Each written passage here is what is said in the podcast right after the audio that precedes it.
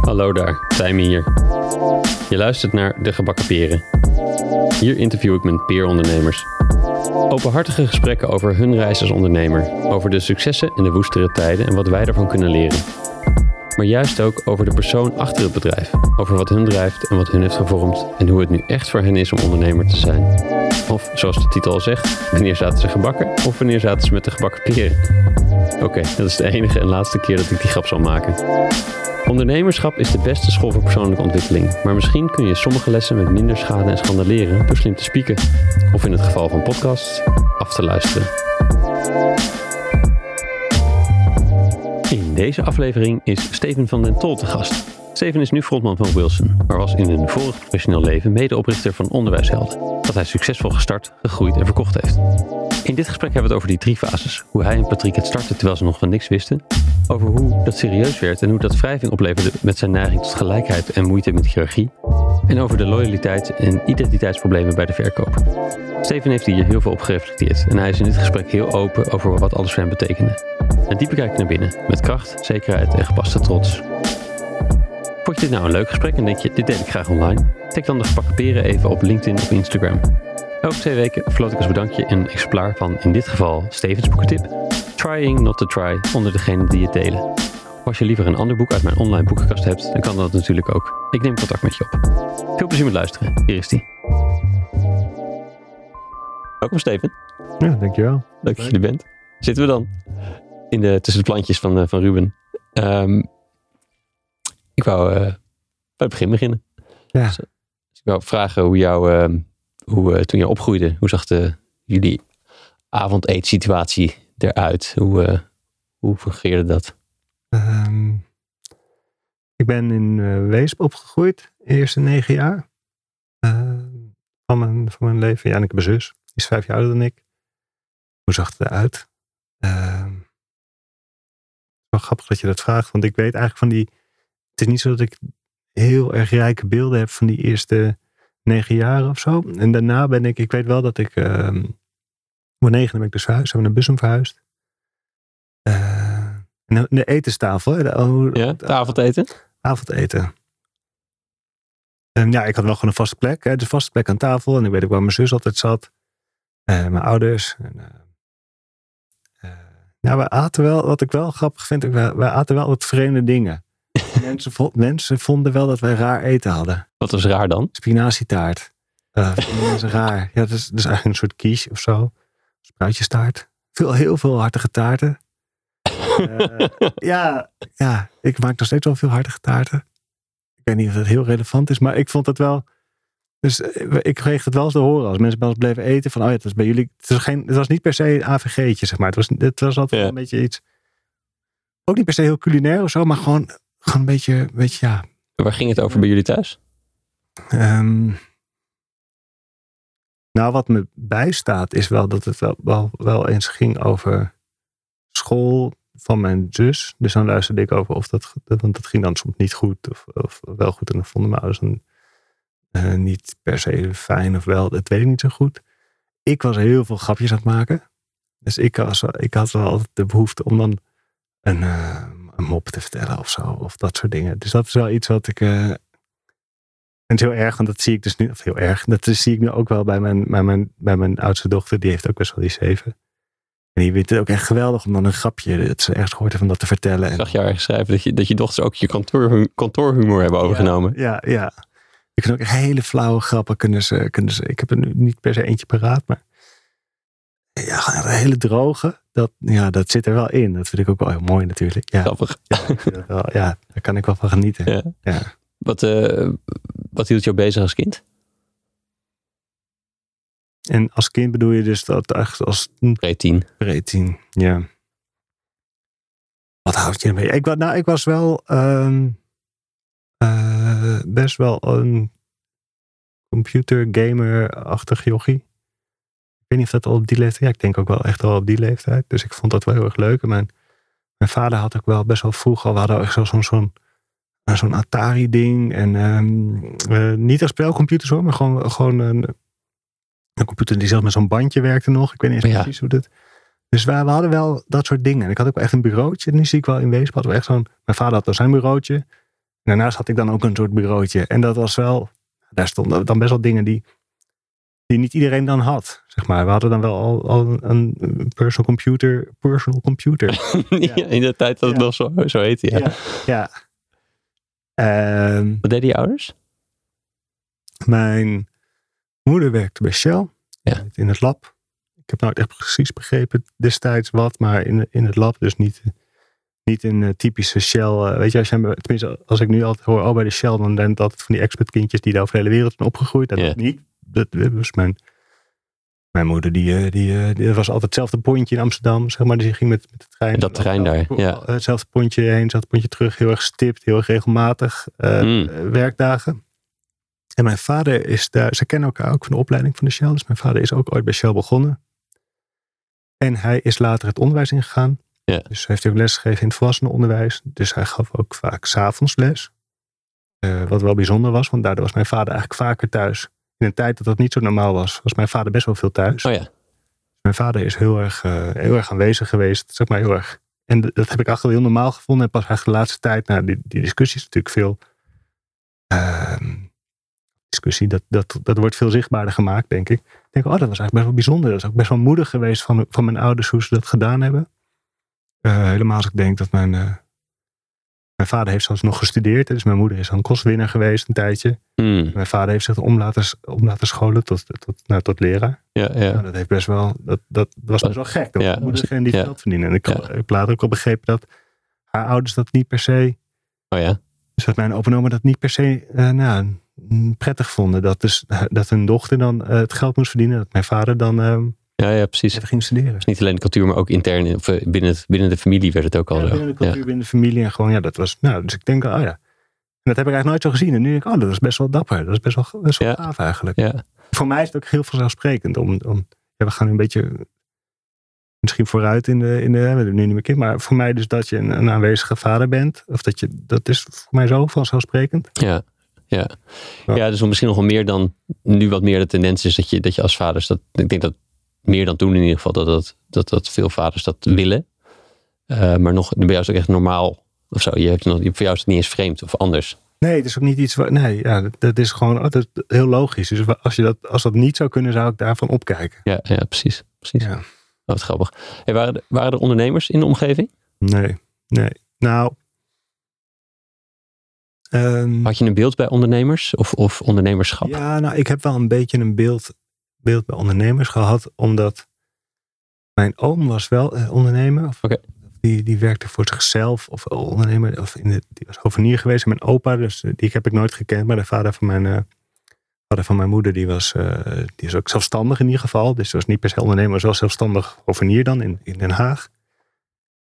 Maar het is niet zo geweest. ehm, ik denk ehm, dat nou, dat ondernemers waren niet per se rolmodellen. Nee. Of, of eerder, eerder denk ik wel, eh, ik ben redelijk linksnest opgegroeid. En ehm, ja, dan zijn werkgevers zijn toch eigenlijk in de basis een beetje, daar moet je een beetje, die, die, die hebben andere belangen en, en daar, moet je, daar moet je een beetje voor, voor oppassen. Of die willen, nou, het het heb- is nooit zo expliciet gezegd, maar ergens voelde ik wel van, ja, het is niet, eh, ja, daar moet, je, daar moet je een beetje mee oppassen. Was dat later lastig toen je, toen je werkgever was? Had je toen nog een soort van appeltje te schillen met dat beeld? Of? Het, ja, het is, nog steeds, het is heel, nog steeds wel lastig voor me af en toe. Dus ik vind, ik vind het, eh, ehm, het, het, het idee dat succesvolle mensen ook sympathiek kunnen zijn. Ja. Oh, dit is echt een heel sympathiek iemand. Dus ergens over, oh, dit is iemand die, die best succesvol is of het best goed doet. En dan blijkt dat hij ook nog eens sympathiek is. Ja, dat, dan, wat, wat, wat is wat is de catch? Weet je, dus dan zit ik wel te zoeken van. Ja, ergens, ergens. En ik weet inmiddels al lang dat het niet zo is. Want ik ken heel veel leuke eh, ondernemers die eigenlijk allemaal, eigenlijk allemaal heel sympathiek zijn. Dus, maar ik moet wel nog steeds daar een beetje doorheen. En ook voor mezelf dus. Dus voor mij is het ook wel zo lastig om succesvol te zijn. Want dat betekent dus echt dat je niet sympathiek bent. Ja, ja, ja, ja. Het is wel- Je tussen twee eh, katten getrokken. Want ik wil wel sympathiek blijven. Dus ik moet, dan word je geremd in je succesvolheid. Ja, en tegelijkertijd denk ik als ik dit nu zo zeg, dat en mijn, mijn ouders luisteren dit, dat ze zeggen, oh, maar dat hebben we helemaal nooit zo bedoeld. Nee. Dus ik, ik, denk niet dat dat, eh, het is nooit een expliciete boodschap geweest van, nee, dat mag niet of dat moet niet. En, maar ik heb, ik, ik, ik heb Nee, het gezien. In die tijdsgeest was misschien de tegenhanger van links zijn was... wa- wat dan de, de slechte kant was, was het graaien in het bedrijfsleven of iets dergelijks. Ja, en tegelijkertijd, mijn moeder werkte voor Shell. En Shell is natuurlijk ook weer... Ja. Maar, maar stond wel bekend als een goede werkgever. Ja. Een hele een werkgever waar je op kon bouwen, waar je, waar je, Ja, waar je ja. eh, met goede voor, arbeidsvoorwaarden, waar je, nou, daar, kan je, daar kon je ook je leven lang werken. Ja. Dat heeft mijn moeder ook gedaan. Ja, haar leven lang bij, nou, nou ja, vrijwel haar leven tot, tot bij Shell gewerkt. Ja, grappig. Hm. Ehm, ja, dan gaan we gelijk alle kanten op.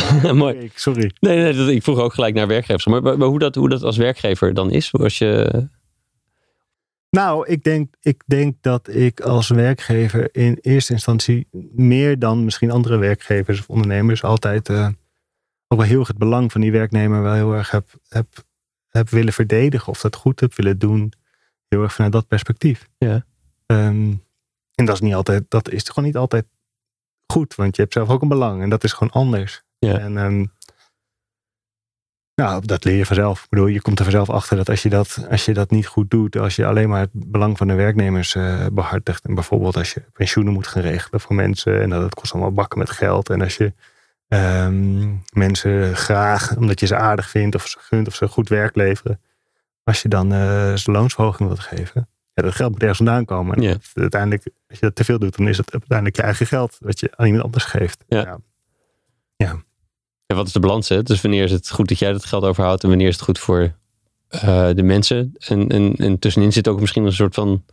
Het is voor beide goed als ik jullie nu meer betaal. Want het, het, het levert uiteindelijk misschien ook wel meer totaal Ja, op. dus er is een tactisch, dus er is een soort tactisch strategisch Hmm. van oké, ik geloof erin dat als je je medewerkers goed betaalt en goed verzorgt, nou, dat, ze dan, dat dat goed is voor het bedrijf. Nou, dat is natuurlijk heel strategisch, maar er zit ook een soort emotioneel iets in van, oh ja, ik vind dat jij dat verdient of ik gun jou dat of, eh, of Ja. ik cijfer mezelf wel een beetje weg daarvoor. Of, of, en, en ergens is dat ook deels zo, hè? want ik vind ook dat een ondernemer ehm, eh, nou ja, eerst moet zorgen dat zijn mensen goed betaald, het, in ieder geval goed voor elkaar hebben. En, want ja, jij kiest ervoor om te ondernemen, jij kiest voor onzekerheid en die mensen niet. Dus daar, daar, daar vind ik ook wel wat van. Ehm, maar je moet jezelf ook niet te- tekort doen. Je moet ook zorgen dat je zelf. eh, Ja, met jezelf en, je, en het bedrijf. Als allebei in feite. Want ja, als je jezelf tekort doet, doe je bedrijf tekort. Dat is ook wel iets. Dat, dat is. En andersom ook. Ja, ja, ja. Eh, of als je het bedrijf tekort doet, doe je iedereen tekort. Want dan, dan bestaat het maar heel kort. Maar dat, en, en sommige mensen vinden dat anders. Hè? Dus dat, Hmm. mag, dat mag ook. Maar dit is wel hoe ik het zelf. Ja, hoe, hoe wil je het zelf doen? Nou, ik denk dat daar wel in doorklinkt. ehm, nog steeds, je hoort als werkgever goed voor je mensen te zorgen. Ja, ja. Dat is wel iets wat ik. Dat is wel een overtuiging die ik heb. Ja. Je bent, qua studie ben je een beetje je ouders achterna gegaan of niet? Ik ben, ik ben de exacte studie even kwijt. Ik weet dat, dat je ook nog een, Ja. even natuurkunde gedaan hebt. Ik heb een halfjaartje natuurkunde gestudeerd. Ja, dat was vooral omdat ik nou, op de middelbare school natuurkunde kon. En toen ben ik eerst gaan reizen met een auto door Europa met twee vrienden. En ehm, daarna moest ik, dacht ik, oh, dan weet ik, daarna weet ik vast wat ik wil studeren, wist ik nog steeds niet. Toen dacht ik, nou, doe ik natuurkunde, want dat, eh, in Utrecht, want ik had vrienden die in Utrecht studeerden, dus daar wilde ik ook eh, mee naartoe. Maar dat was helemaal niks voor mij. Dat was veel te, vond het Minnaardgebouw in Utrecht, ik mensen Mhm. niet kennen, dat is een heel donker. Ik ken het erg goed. Ik werd, ja. eh, ik, werd heel- ik werd er een beetje, een beetje depri van. Ehm, Heel raar, ja. Het is heel donker binnen. Dat, dat besefte ik me toen misschien niet zomaar. Er was er is water binnen. Het is heel, ja, ik weet niet. Ik vond het heel, heel duister. Een soort vleermuizen energie hebben. En ik, ja, ik, ik ben wel. Zelfs de gamer in jou ging niet los toen. Nee, ik ben wel. Ik ben wel. Ik ben wel vrolijk. Tenminste, ik zie, ik zie mezelf wel als een vrolijke jongen. En ik, ik, dat, dat, en ik was ook gewoon niet slim genoeg. Ik denk dat het voor mij wel het eerste moment was dat ik.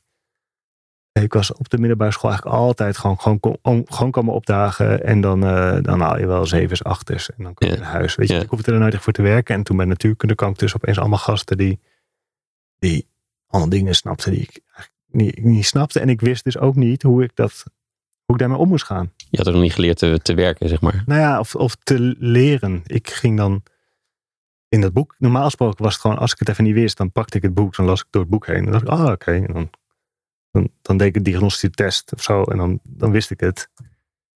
En ik snapte ik het gewoon niet. En wat doe je dan? Ik wist niet wat je doet als je het niet weet. Ja. Eh, Qua lesstof. En je komt er niet als je een boek pakt.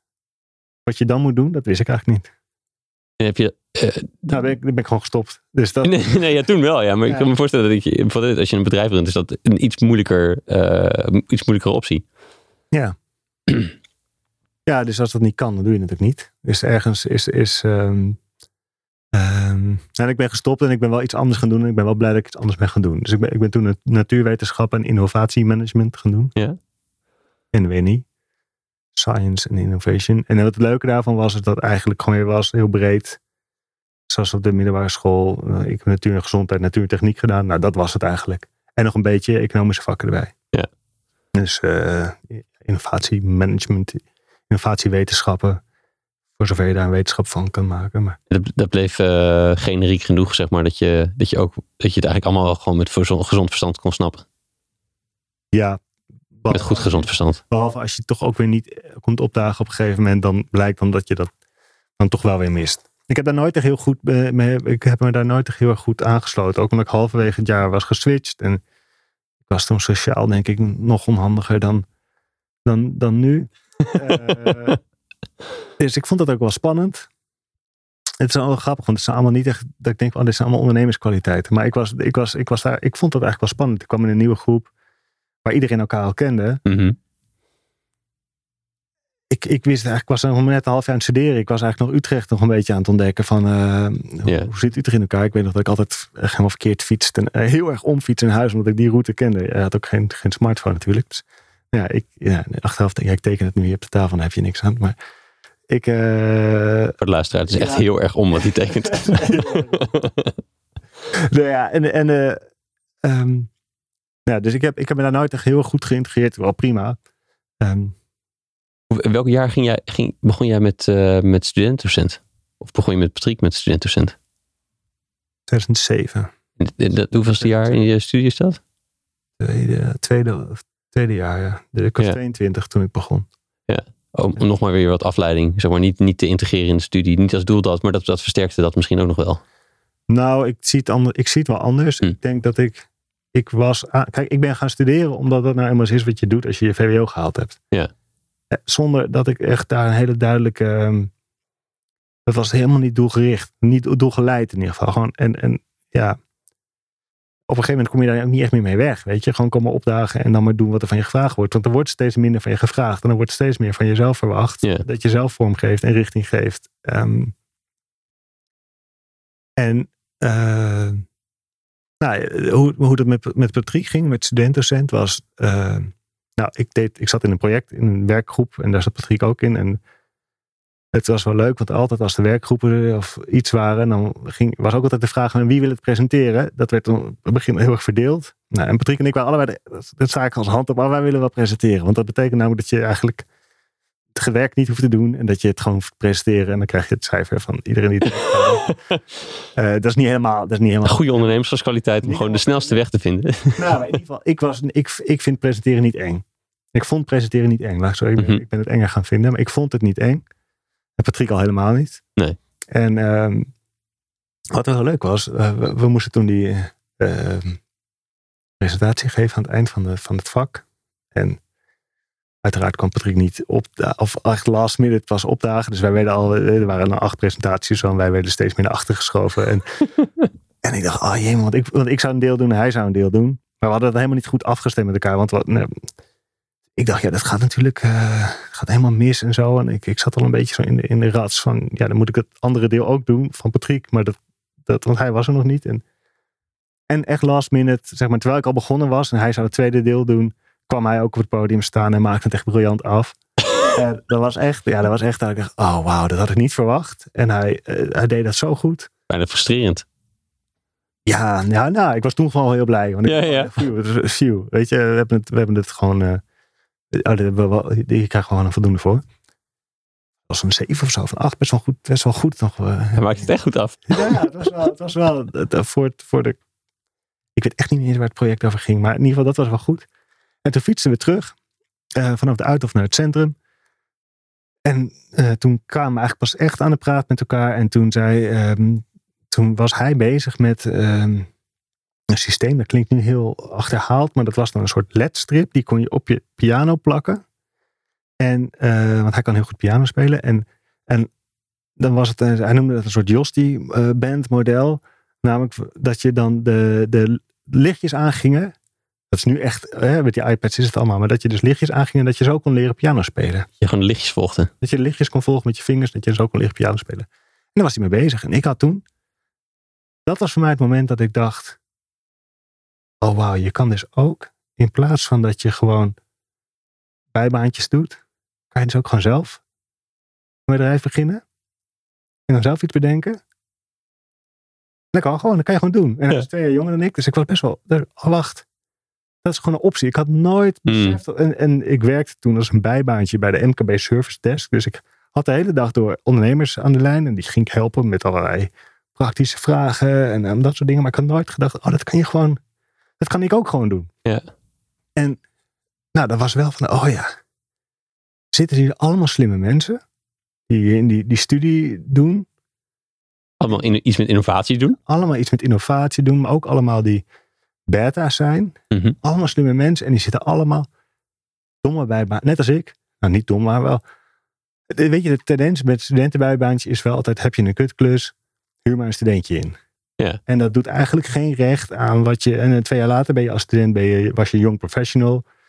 En dan werd er om je gestreden, want dan was je de belofte en dan was je de messias van zo'n bedrijf. Weet je, en, en, en daarvoor was het eens, terwijl ik dacht, ik ga in twee jaar tijd niet significant slimmer of intelligenter of anders worden. Dus, wat, dus waarom gebruiken, waarom erkennen we nou eigenlijk niet dat die studenten wat kunnen? En als we dat erkennen, waarom gebruiken we die kwaliteit dan niet in onze maatschappij? Ja. Nou, ik kom dus uit een familie, nou, niet mijn vader zat in onderwijs en mijn tante ook. En ik, dus ik dacht, ja, het is toch te gek voor woorden. We hebben een ontzettend lerarentekort, was toen al, het is nu alleen maar erger geworden. We hebben een gigantisch lerarentekort, vooral op beta-gebied. Er zitten hier allemaal beta's en we doen er niks mee in ons onderwijs. Ja, en dat, was, dat, dat gesprek had ik toen met, als reactie op wat hij vertelde, wat hij deed, dacht ik van, Was dat gelijk daar op de fiets? ja, dat was gelijk op de fiets. Dat, dat switchen van onderwerp. Of dat... Nou, hij vertelde wat hij, dat hij ondernemer was. Toen had ik de realisatie, oh wacht, je kan als student ook zinvol werk doen.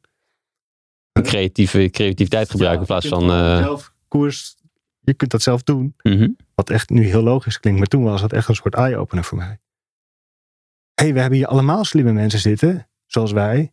En die doen eigenlijk allemaal dingen, die gebruiken we eigenlijk helemaal niet goed. Dus dat was een soort verspilling. Dus de verspilling, verspilling van talent of verspilling van ehm, capaciteit. Ja, dat vond ik heel erg, daar kon ik nog niet zo goed mee omgaan. Maar het is best een gedachtesprong in eh één fietstochtje. Ja, en precies. En toen zeiden we ook van nou, toen zei hij weer het was van nou, laten we daar dan even een businessplan van maken. Oké, en toen hebben we bij, eh, dat heette toen Broers, volgens mij het bestaat het niet meer. Ja. Eh, oh, echt, echt, echt letterlijk op de achterkant van een bierveeltje hebben hoe zouden we dat noemen? Nou, eh, student, docent. En toen zijn we het gaan doen. Ja, ja. Wat, maar dit, dit, Ik thuis vertellen aan mijn ouders, ik eh, stop met mijn bijbaan. En ik ga een bedrijf dat beginnen. was gelijk de consequentie. Nou ja, het, voor mij was het, ja, dat, dat, ja wat we hadden, wat ik tijd nodig. En ik kon bij IB-groep kon je gewoon eh lening omhoog zetten. Dat heb ik mijn as niet verteld. Maar eh, ja, dat was voor mij wel ook, oh, ga ik hier iets doen wat wel... Het idee was wel oh, dinsdag student-docentdag. Dus Oh ja. dan gingen we dat gewoon één dag in de week doen. Nou, dat ging natuurlijk niet. Dat werkt nooit één dag in de week bedoel je. Ja, er werd veel meer. Ja. Eh, en tel zo dat op een gegeven moment, toen het ging lopen, ehm, eh, ja, dan moest je kiezen, ga ik naar, de, ga ik naar, de, naar die klant voor Mhm. het gesprek? Of ga ik naar mijn tentamen? Ja, ja. Dat waren ook keuzes. Laat staan een bijbaantje. Ja, dus dan ging, en dan ging, ging ik naar de klant. Want ik dacht, ja, dat tentamen kan ik volgende, volgende, volgende maand ook nog wel een keer halen. Ik had toch niet zo goed geleerd, weet je zo. Dus uiteindelijk heb ik er zes jaar over gedaan om, om mijn bachelordiploma te halen. nou ja. Met een, door de be- ja, begrijpelijke vertragingen die, eh, die opkwamen. Ja. Eh, mm, maar als je dit nog nooit in de omgeving gezien had, dat mensen dit kennelijk deden, of dat het, besta- dat het bestond, waarom dacht je dat je dit kon? Nou, het bestond, en het bestond wel, maar het was niet echt iets voor, me, voor mij. Ja, Zo, maar, de- precies, ja. dat was het meer. Het bestond wel, maar het was niet iets dat voor mij. Wat maakte dan dat je nu dacht, oké, Patrick, natuurlijk, we maken het businessplan, we gaan gelijk beginnen. Omdat Patrick echt deed alsof dat gewoon echt helemaal niet moeilijk was. Ja. Ehm, dus ik had heel veel vertrouwen. Ik, ik had wel echt heel erg veel vertrouwen in, eh, in hem. Ja. Ehm, ik heb nog steeds denk ik echt heel veel vertrouwen in mensen. Dus dat is wel echt iets. eh, dat, dat, dat is. Oh ja, ik denk wel dat jij dat kan. Ja. Dus ik denk dat Ja. ik eigenlijk meer vertrouwen had in hem dan in mezelf. Ja. Op dat moment. En, ehm, ja, en ik had ook het gevoel, ja, maar dit klopt wel. Ja, ja ik, ik, heb, ik ben wel altijd. Ik heb wel altijd gedacht dat ik zelf dat ik heel veel kan. Dat ik slim ben. Ja. Dat, ik, dat, ik, dat ik dingen kan als ik ze wil. Ik weet niet. ehm, niet kijk, je moet me geen bal laten gooien. Ik weet dat ik gewoon heel raar gooi. Maar ik weet wel dat ik, dat ik, dat ik intelligent ben en dat ik slimme oplossingen kan bedenken. En dat ik dingen wel geregeld krijg. Ja. Dat is wel een soort, soort overtuiging. Die trouwens heel vaak helemaal niet waar blijkt. Maar die had ik toen zeker. Dat ik denk van, oh ja. Als andere mensen kunnen, dan moet ik het zeker ook wel kunnen. Ja. Dat, heb ik wel, dat heb ik wel een beetje. Ja, ja. Dus dat, Dus dat, soort arrogantie zit, is mij ook niet vreemd. en hoe, was dat? Hoe, hoe zijn jullie begonnen? Hoe, eh, Eh, hoe, hoe ging het begin? Zeg maar, je maakte bierveeltjes en, eh, en toen? Nou, ehm, we hebben toen een. Uiteindelijk denk ik, is het. We zijn begonnen met. Je had een, het, het U-blad, eh, Ukje. Hadden we een oproepje gedaan voor, ehm, voor studenten willen, die op scholen willen werken. Ja. Dus toen kregen allemaal sollicitatie, eh, allemaal cv's toegestuurd en dat soort dingen. En we hebben een. ehm, op een gegeven moment een. een eh, de, de- weet je, leraartekort is wel iets dat. Er is eigenlijk altijd wel iets in de krant over het leraartekort. Elke maand kun je wel een artikel vinden dat over gaat. En toen ook. En eh, op een gegeven moment hebben wij dus een, hebben we een persberichtje uitgestuurd. Ik weet niet meer of je die, die zou je misschien nog kunnen vinden. Maar die, de, die, de titel daarvan was, in strekking was echt zoiets van... Studenten, Universiteit Utrecht, lossen lerarentekort op. Dat was een soort, dat was een soort zin. En daarin stond dat wij een idee hadden bedacht... dat, eh, dat je dus ook studenten kon inzetten op, een- op een school. Ja. In plaats van eh, dat je... Wat, wat, wat studenten werden destijds wel ingezet om bijles te geven. Huisbegeleiding. Ja. Maar niet om... ehm, eh, niet echt in, het onder, in een onderwijssetting. Dat was niet zo normaal. Stonden ze voor de klas of hielpen ze de docent met andere dingen? Ja, daar hadden we dus nog niet eens goed over nagedacht. Hadden jullie scholen gesproken? Nou, toen, toen nog, nog niet zo heel erg. Ehm, behalve dan uit mijn eigen netwerk gewoon een keer iemand die een leraar was en iemand die. Maar dat ging dus best wel snel. Ja, en gewoon bellen. Je kan ook gewoon een school op. Ja, dus, dus er waren een paar dingen. Dus we hebben dat, dat persbericht toen Want uitgestuurd. het persbericht was hoe, hoe lang na deze fietstocht? Deze, deze beruchte, nu al beruchte fietstocht? Kijk hoor, ik zit te denken. Volgens mij heb ik, hebben we in de, voor de zomer van 2007 die, die fietstocht gemaakt. Toen, hebben we, nou, toen werd het zomer. Toen hebben we na de zomer die, die, eh, een keer bij Broers gezeten. En die, die, die op de bierveeltje gedaan. Ja. Toen in september dus gestart. September 2007. Ik denk dat het persbericht eh, twee maanden later was of zo. In 2008, eh, in 2008 hadden we al ons eerste eh, bod op ons bedrijf.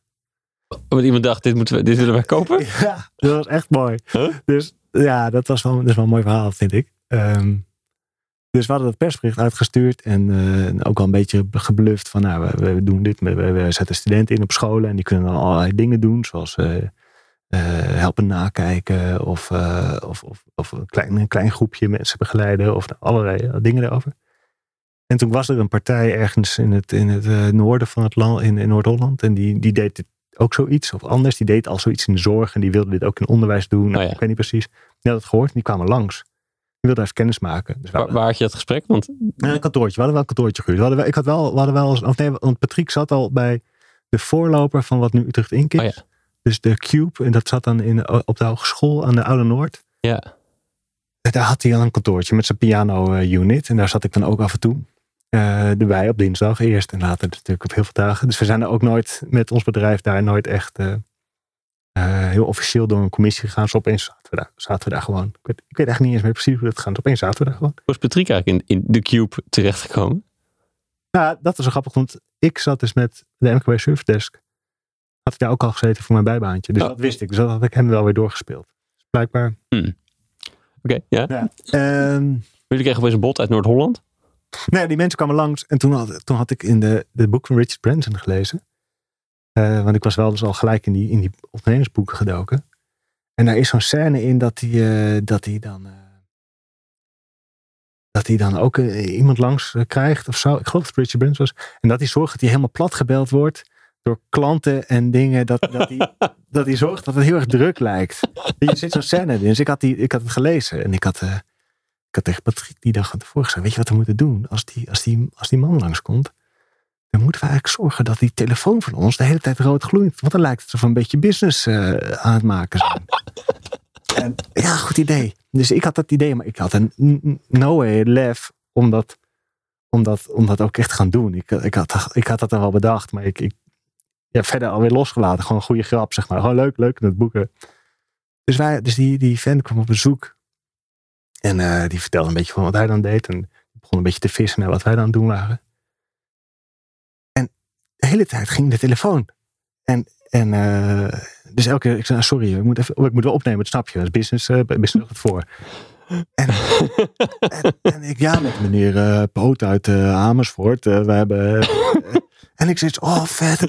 Ja, en hoeveel dan? Hoeveel dagen? Welke dag? Ja, nou, ik ben, ik ben nu even, ik ben zo terug. En dan gaan we het regelen, weet je, helemaal. Nou, en nog een telefoontje.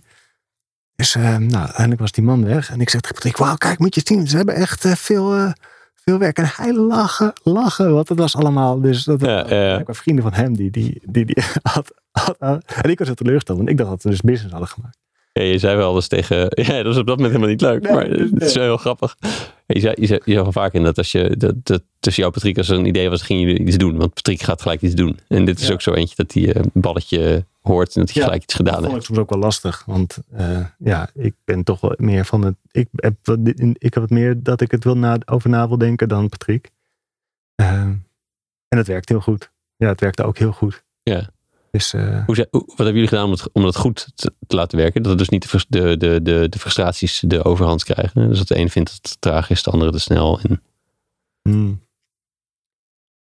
Ja, je zou hem ook moeten vragen. Mm Maar uh, ik heb, dit hebben we denk ik helemaal niet altijd goed gedaan. Dus ik ben ook heel lang, uh, ik vond het zo spannend. Nou, op het begin vond ik het allemaal leuk. Toen was er niet zoveel te verliezen. Ja. Weet je, er was alleen nog maar wat te winnen. Wanneer, wanneer werd het trouwens spannend? Wat, wat, nou, het werd spannend toen we echt wat hadden. Toen het echt een beetje omzet begon te maken. Uh, toen we mensen gingen aannemen ook. Hè? Dus echt op vaste payroll. Ja. Een beetje omzet was ook wel spannend. Dus, dan kan het ook misgaan. Ja, dan had ik dat te verliezen. Dus het is wel grappig. Want dus voor mij was het zo. Um, uh, ik werd, ik werd uh, wat, wat banger. Omdat er meer te verliezen was. Ja. en ik denk dat het voor Patrick minder leuk werd. Omdat er minder te winnen was. Mm. Dus dat was nog allemaal minder creatief. Het werd steeds meer gewoon business. Zeg maar. Dus het was wel grappig dat we allebei onze eigen. Ik vul het nu een beetje voor hem in, maar dat is wat ik denk dat er bij hem gebeurde. Dus dat, en, maar, en waar, ja, wat wel ons. Uh, wat ik goed vond en wat wij deden altijd was gewoon heel erg. We waren heel anders in onze kwaliteit, of we zijn heel anders in onze kwaliteiten. Uh, maar we deden er ook wel een paar. En een daarvan is ook wel echt, echt uh, praten. Mm. En heel redelijk. En altijd vanuit een goed hart. En weten dat je, dat je wel bij elkaar terecht kunt. Ja, ja. Maar ik, heb het wel, ik ben wel heel veel gefrustreerd geweest en gespannen geweest. En ik vond het allemaal, allemaal maar doodeng op het begin. Ja, weet je nog situaties die, zo, die heel eng waren? Dus los, los nou, van... Ik heb nog steeds trauma's met, met, uh, met uh, blauwe enveloppen omdat wij waren dus een, wij waren eigenlijk een uitzend, wij waren eigenlijk een uitzendbureau, maar dat wisten we zelf helemaal niet. We wisten, ja, dat hadden we nooit zo. Ik, ook bijvoorbeeld omdat ik daar dus dacht, oh Patrick weet hoe dit allemaal werkt waarschijnlijk. Dus, maar we waren dus een uitzendbureau, maar wij werkten dan via een soort freelance constructie. Ja, ja. Uh, dus we hadden die mensen helemaal niet in, niet, niet in dienst, maar die deden via, via freelance. Uh, en wij dachten, ja, we doen onderwijs, dus we hoeven geen. We hadden ergens gehoord, als je onderwijs doet, dan hoef je geen belasting te betalen. En BTW. Nou, dus ja, dus in mijn hoofd, in ons hoofd was dat gewoon gereduceerd tot als je iets in onderwijs doet, hoef je geen belastingen te betalen. Uh, en dat is natuurlijk niet waar. Dus ja, toen kwam, kwam er een, ik geloof een brief waarin een aanslag stond van uh, 30.000 euro of zo. En ik was, nou, ik, dat soort bedragen helemaal niet gewend. Dus ik trok, Patrick, Patrick lachen. Ik trok helemaal wit weg. En hoe gaan we dit oplossen? En dingen uiteindelijk. Dat, heb ik wel, dat vond ik wel heel fijn. Uiteindelijk eh, toen zo'n inspecteur langs gehad. En, en bellen en natuurlijk. En, en die zag ik echt van, dit, oh, dit zijn jongens, dit zijn hele... Kijk, want het was heel raar was het dat we een uitzendbureau waren zonder personeel in dienst. Dat is natuurlijk heel gek. Een uitzendbureau gaat juist over mensen op de loonlijst hebben. Ja. Ook geen, uh, jullie hadden ook geen staf? Of iemand op die op de... Nou, toen in ieder geval niet. Ja. Niet, niet, de inspecteur kwamen jullie twee langs. Houding tot de omzet in ieder geval. Weet? Ja. Dus dat was heel raar. Um, nou, uiteindelijk kwam er zo'n inspecteur langs. En, uh, Nou, die, die, die, die keek voor mij gewoon over, achteraf denk ik, oh, die moet echt hoofdschuddend naar ons gekeken. Van, je jongens weten echt niet wat ze aan het doen zijn. Denk je het echt dat hij dat dacht? Of? Nou ja, vol- ja, volgens mij zei hij het ook zelfs. dus, dus, Soms wel een goede indicatie. en jullie moeten het vanaf nu wel anders gaan doen. Hmm. Eh, dus eh, dus eh, weet je, we, oké, ik snap hoe jullie het gedaan hebben, maar vanaf nu, nu moet je het wel echt anders gaan doen. En dat betekent dat opeens onze tarieven met 50% omhoog moesten. En, Ja. en toen gingen we uitrekenen. Toen bleek eigenlijk dat op elk uur dat we verkochten, dat we een paar euro verloren in plaats van winst maakten. Nou, dat Ja. zijn wel van die inzichten, daar kan je wel van schrikken. Ehm, ja, dat doe je op het begin doe je dat verkeerd. Tenminste, wij hebben dat op het begin verkeerd gedaan. Er zijn er mensen die dat goed doen. En tegelijkertijd denk ik, ja, achteraf, achteraf een mooi verhaal. Achteraf kan ik wel lachen, maar toen vond ik dat wel heel erg. Toen was ik wel echt, toen dacht ik, oh shit, toen zag ik alles. Zag ik alles onder. Ja, dacht dus, hè, toen was ik echt bang om het te verliezen. Ja, ja. Maar ik denk, wat had ik te verliezen? Helemaal niet zoveel. Weer terug naar de MKB Service Desk. Ja. Nou, dat is wel een verhaal over de MQ Service Desk trouwens gesproken. Daar had je dus, ehm dat was Willem. Willem was daar mijn, ehm, mijn, die was de ondernemer daarvan. En ik weet nog wel dat ik hem ook een keer gevraagd heb, toen ik nog het bijbaantje deed, van, ja, maar ben je dan niet bang dat het failliet gaat of zo? Of, want eh, hij was toen 32 geloof ik, met Mhm. kinderen en dingen. En, en zo, ja, nee, dan, dan kan ik altijd nog een baan zoeken. Ja. En voor mij is het jaren later zelfs, is het zelfs failliet gegaan. Eh, niet eens zo heel lang geleden. Nee, Eh, klopt. Of overgenomen. En, en, en dat is dan toch wel anders. Want ik merk me nu wel, oh ja, als je al tien jaar lang ondernemer bent, dan ben je niet zo heel geschikt meer voor de arbeidsmarkt. Tenminste, Moeilijk. ik, als ik het even op mezelf eh, betrek. Maar dat vond ik toen ook wel een heel verfrissende gedachte. Want dat Ja. is ook echt heel anders dan hoe mijn ouders dat bijvoorbeeld zagen. Oh ja, oh ja, je kunt altijd nog gewoon Ja. echt altijd nog ergens gaan werken. Ja, precies. Dus wat heb je eigenlijk te verliezen? Nou, dat is heel anders dan zorg dat je een goede baan hebt. Zorg dat je, eh, nou ja, precies. Ja. Wat, eh, wa- waarom denk je dat Patrick je zo licht over deed? Over die blauwe envelop? Nou niet licht, maar die, die, Maar hij moest om lachen. Tenminste, jouw reactie. Maar ook waarschijnlijk omdat hij zich minder zorgen maakte. Nou, ik denk wel dat hij. eh, ik denk dat ik me veel meer, veel meer zorgen maakte. En, mm, ik denk dat ik dat nog steeds zou doen. Dan dat hij deed. Ja. hij dacht gewoon, eh, ja, dat regel je wel, daar kom je wel uit. Ja. Dat is ook eigenlijk wel zo. Dus dat heb ik ook wel heel erg van hem geleerd. Hè. Dus dat heb ik ook echt gedacht oh ja. Dat is echt iets wat je gewoon, eh, zo, kun je, zo kun je er ook naar kijken. Ja, grappig. En dat zijn basisovertuiging is dus, ja, het komt toch wel goed. Dat gaan we gewoon regelen. Ja, Of iets in die trant. hè. ja, Dus een beetje... ja, zoiets. Ik weet niet precies of, of En hoe heb je dit aan de klanten uitgelegd? Die, die opeens eh, het tarief ging omhoog zeiden. Dus de, hoe ben je- Ik weet niet meer, zo, niet meer zo heel goed, maar wat ik wel weet is dat ik altijd, eh, dat ik ook aan het begin, dat was ook echt, echt, eh, ik echt zelf moet leren dat ik heel bang was altijd om tarieven te verhogen. Terwijl eigenlijk heb ik gemerkt dat als je gewoon een mailtje stuurt en zegt, de tarieven zijn vanaf nu eh, zo, dat ze dan zeggen, oké. Tot wat voor stijging kwamen jullie weg dan? Dat is inflatiecorrectie, weet je wel. Oké, Ja, We maar hebben het altijd, ik denk eigenlijk dat we altijd, dat we best nog wel hoger in de prijs, in de tarief hadden kunnen zitten. je hebt natuurlijk zo'n grapje. Als je stel dat je je tarieven verhoogt en de helft van je klanten op weg, dan lijkt dat heel vervelend. Maar als je goed nadenkt, denk je, ja, dan heb ik even omzet met minder Als je- werk. Als je het verdubbelt, ja. Ja, ja, sorry, dat zei ik. ja, Ik ja, zei het verhoogd, ja. Oh ja, eh, verdubbeld, ja. Ja, klopt. Ja, en, die, en dat is grappig. Dat vertel ik nu heel vaak zelf ook aan ondernemers, andere ondernemers. eh laatst toevallig, ik heb nu in die lockdown-periode, corona, dat ik bij een personal trainer eh, sport. Eh, en ik vertelde hem dit eh, ook van, je moet je niet je tarief omhoog. Want hij had het heel druk. Dus ik, nou, als je het te druk hebt, moet je je tarief omhoog gooien. Ja. Dus zei ik, ja, maar bang dat iedereen wegloopt. Heb ik precies dit, dit gezegd. En het enige nadeel is dat, dat nu mijn tarief, dus dat ik nu door dit advies nu eh, sport. Eh, dus ik niet. Maar hij was wel blij mee. Hij zei op een gegeven moment, ja, ik heb nu dus, nou, eigenlijk door, zonder, zonder iets te doen, heb ik, ik heb even zitten rekenen. Maar ik heb nu gewoon eh 5000 euro eh, Ja. erbij. Want niet, hij ging verdubbelen, maar niet, iedereen, niet de helft ging weg. Nou, dat ging voor mij niet eens verdubbelen. Voor mij ging niet maar naar ging, Ja, bij wijze van. die 5 euro of 10 euro erbij. En dat vond hij al heel spannend. Mhm. En dan vind ik het heel leuk om, eh, om ook te vragen van, oké, maar wat dan? Want het gaat dus ook blijkbaar ook over overtuiging, over geld, over tarieven, over jezelf. Over, ik ben, ja, ik ben niet zo'n kapitalist. Zei hij dan. Oké, dus blijkbaar ben je een kapitalist als je... eh, en wat is er dan mis met kapitalisme? En dat vind ik dan, dat vind ik dan heel interessant om daar eh, Door te hakken. door te hakken. Ja, ja, ja. Zoals jij dat nu bij mij doet. Ja, leuk. Ehm, en jullie, wat, wat ik ook wel eens heb horen zeggen over ehm, dat is niet per se meer beginperiode, maar jullie kregen personeel in dienst, jullie werden wat groter, jullie gingen ook... eh, Medewerkers. Me- sorry. Ja, medewerkers. ja, ik heb nooit personeel, dus ik weet het niet. Dus- ja, nou, medewerkers. Maar ik was, daar was het een van de dingen waar ik dan altijd was. We hebben medewerkers. Ja. personeel. Ja. ja, nee, grappig. Nee, het is weer, weer zoiets die goed voor je medewerkers zorgen. Ja, En- maar dat is ook misschien dat het dus ook komt vanuit. eh, dus dat is wat ik vertelde aan het begin. Ja, precies. Iets, ja, Ja. medewerkers. Ehm, nou ja, dus die, eh, hoe heb jij geleerd daar dat je, wat je al zei, soms is het niet handig om te veel hun, eh, voor hun te denken, voor hun te zorgen, maar of dat je, wat je ook vaak vertelde aan mij, is dat je een soort gelijkwaardigheid ha- had en dat je het samen wilde oplossen, maar waarmee je eigenlijk je hiërarchie ontkent. En, en, hoe, is dat, hoe is die ontwikkeling gegaan? Ja, dus. kijk, als je met z'n tweeën. Toen we met z'n tweeën begonnen. ehm, toen waren we natuurlijk. Toen was het gewoon een gelijkwaardige eh, club. En dan komt er iemand bij. Nou, dan ben je met z'n drieën. Maar dat voelt nog steeds als een heel erg team. En we waren allemaal jong, hè, Dus we waren echt begin twintig nog. Mhm. Dus het, was, het voelde meer als een commissie of, dan, dan als een bedrijf. Ja. Het was met, met borrels en gek. Ik bedoel, ik lag op de grond en riep dan: Ik ben een everzwijn. En allemaal rare capriolen. Dus het was, het was, het was heel erg. ehm, ja, nou, het was niet echt zakelijke business, zeg maar. Het was gewoon echt wel lol maken en resultaten boeken. Dus die combinatie. Maar we hadden echt gewoon ook heel veel lol.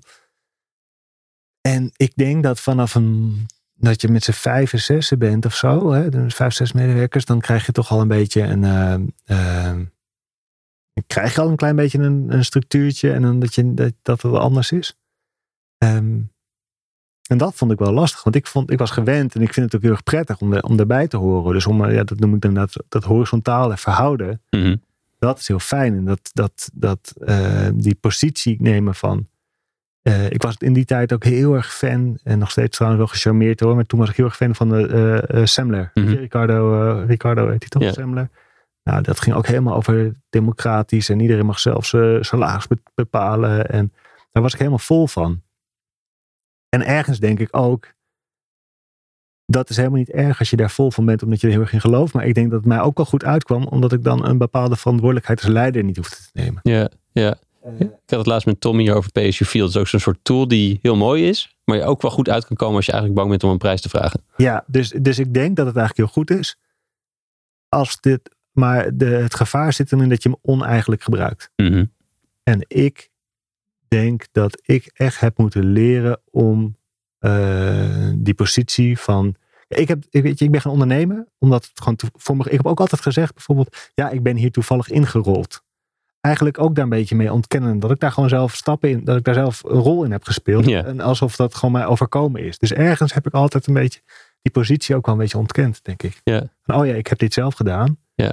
En ik heb zelf hier ook een verantwoordelijkheid naar dat, naar, dat, naar het team. En die is anders dan dat ik een onderdeel ben van het team. Dus ja, ik ben lid van het team, ik ben deelnemer, maar ik sta er ergens toch ook een beetje buiten. En, waar, en waarin merkte je dat dat nodig was om dat te gaan doen? Eh, om, om daar wel boven te staan. Ja. Nou ja, eh, eh, heel praktisch als iemand salarisverhoging vraagt.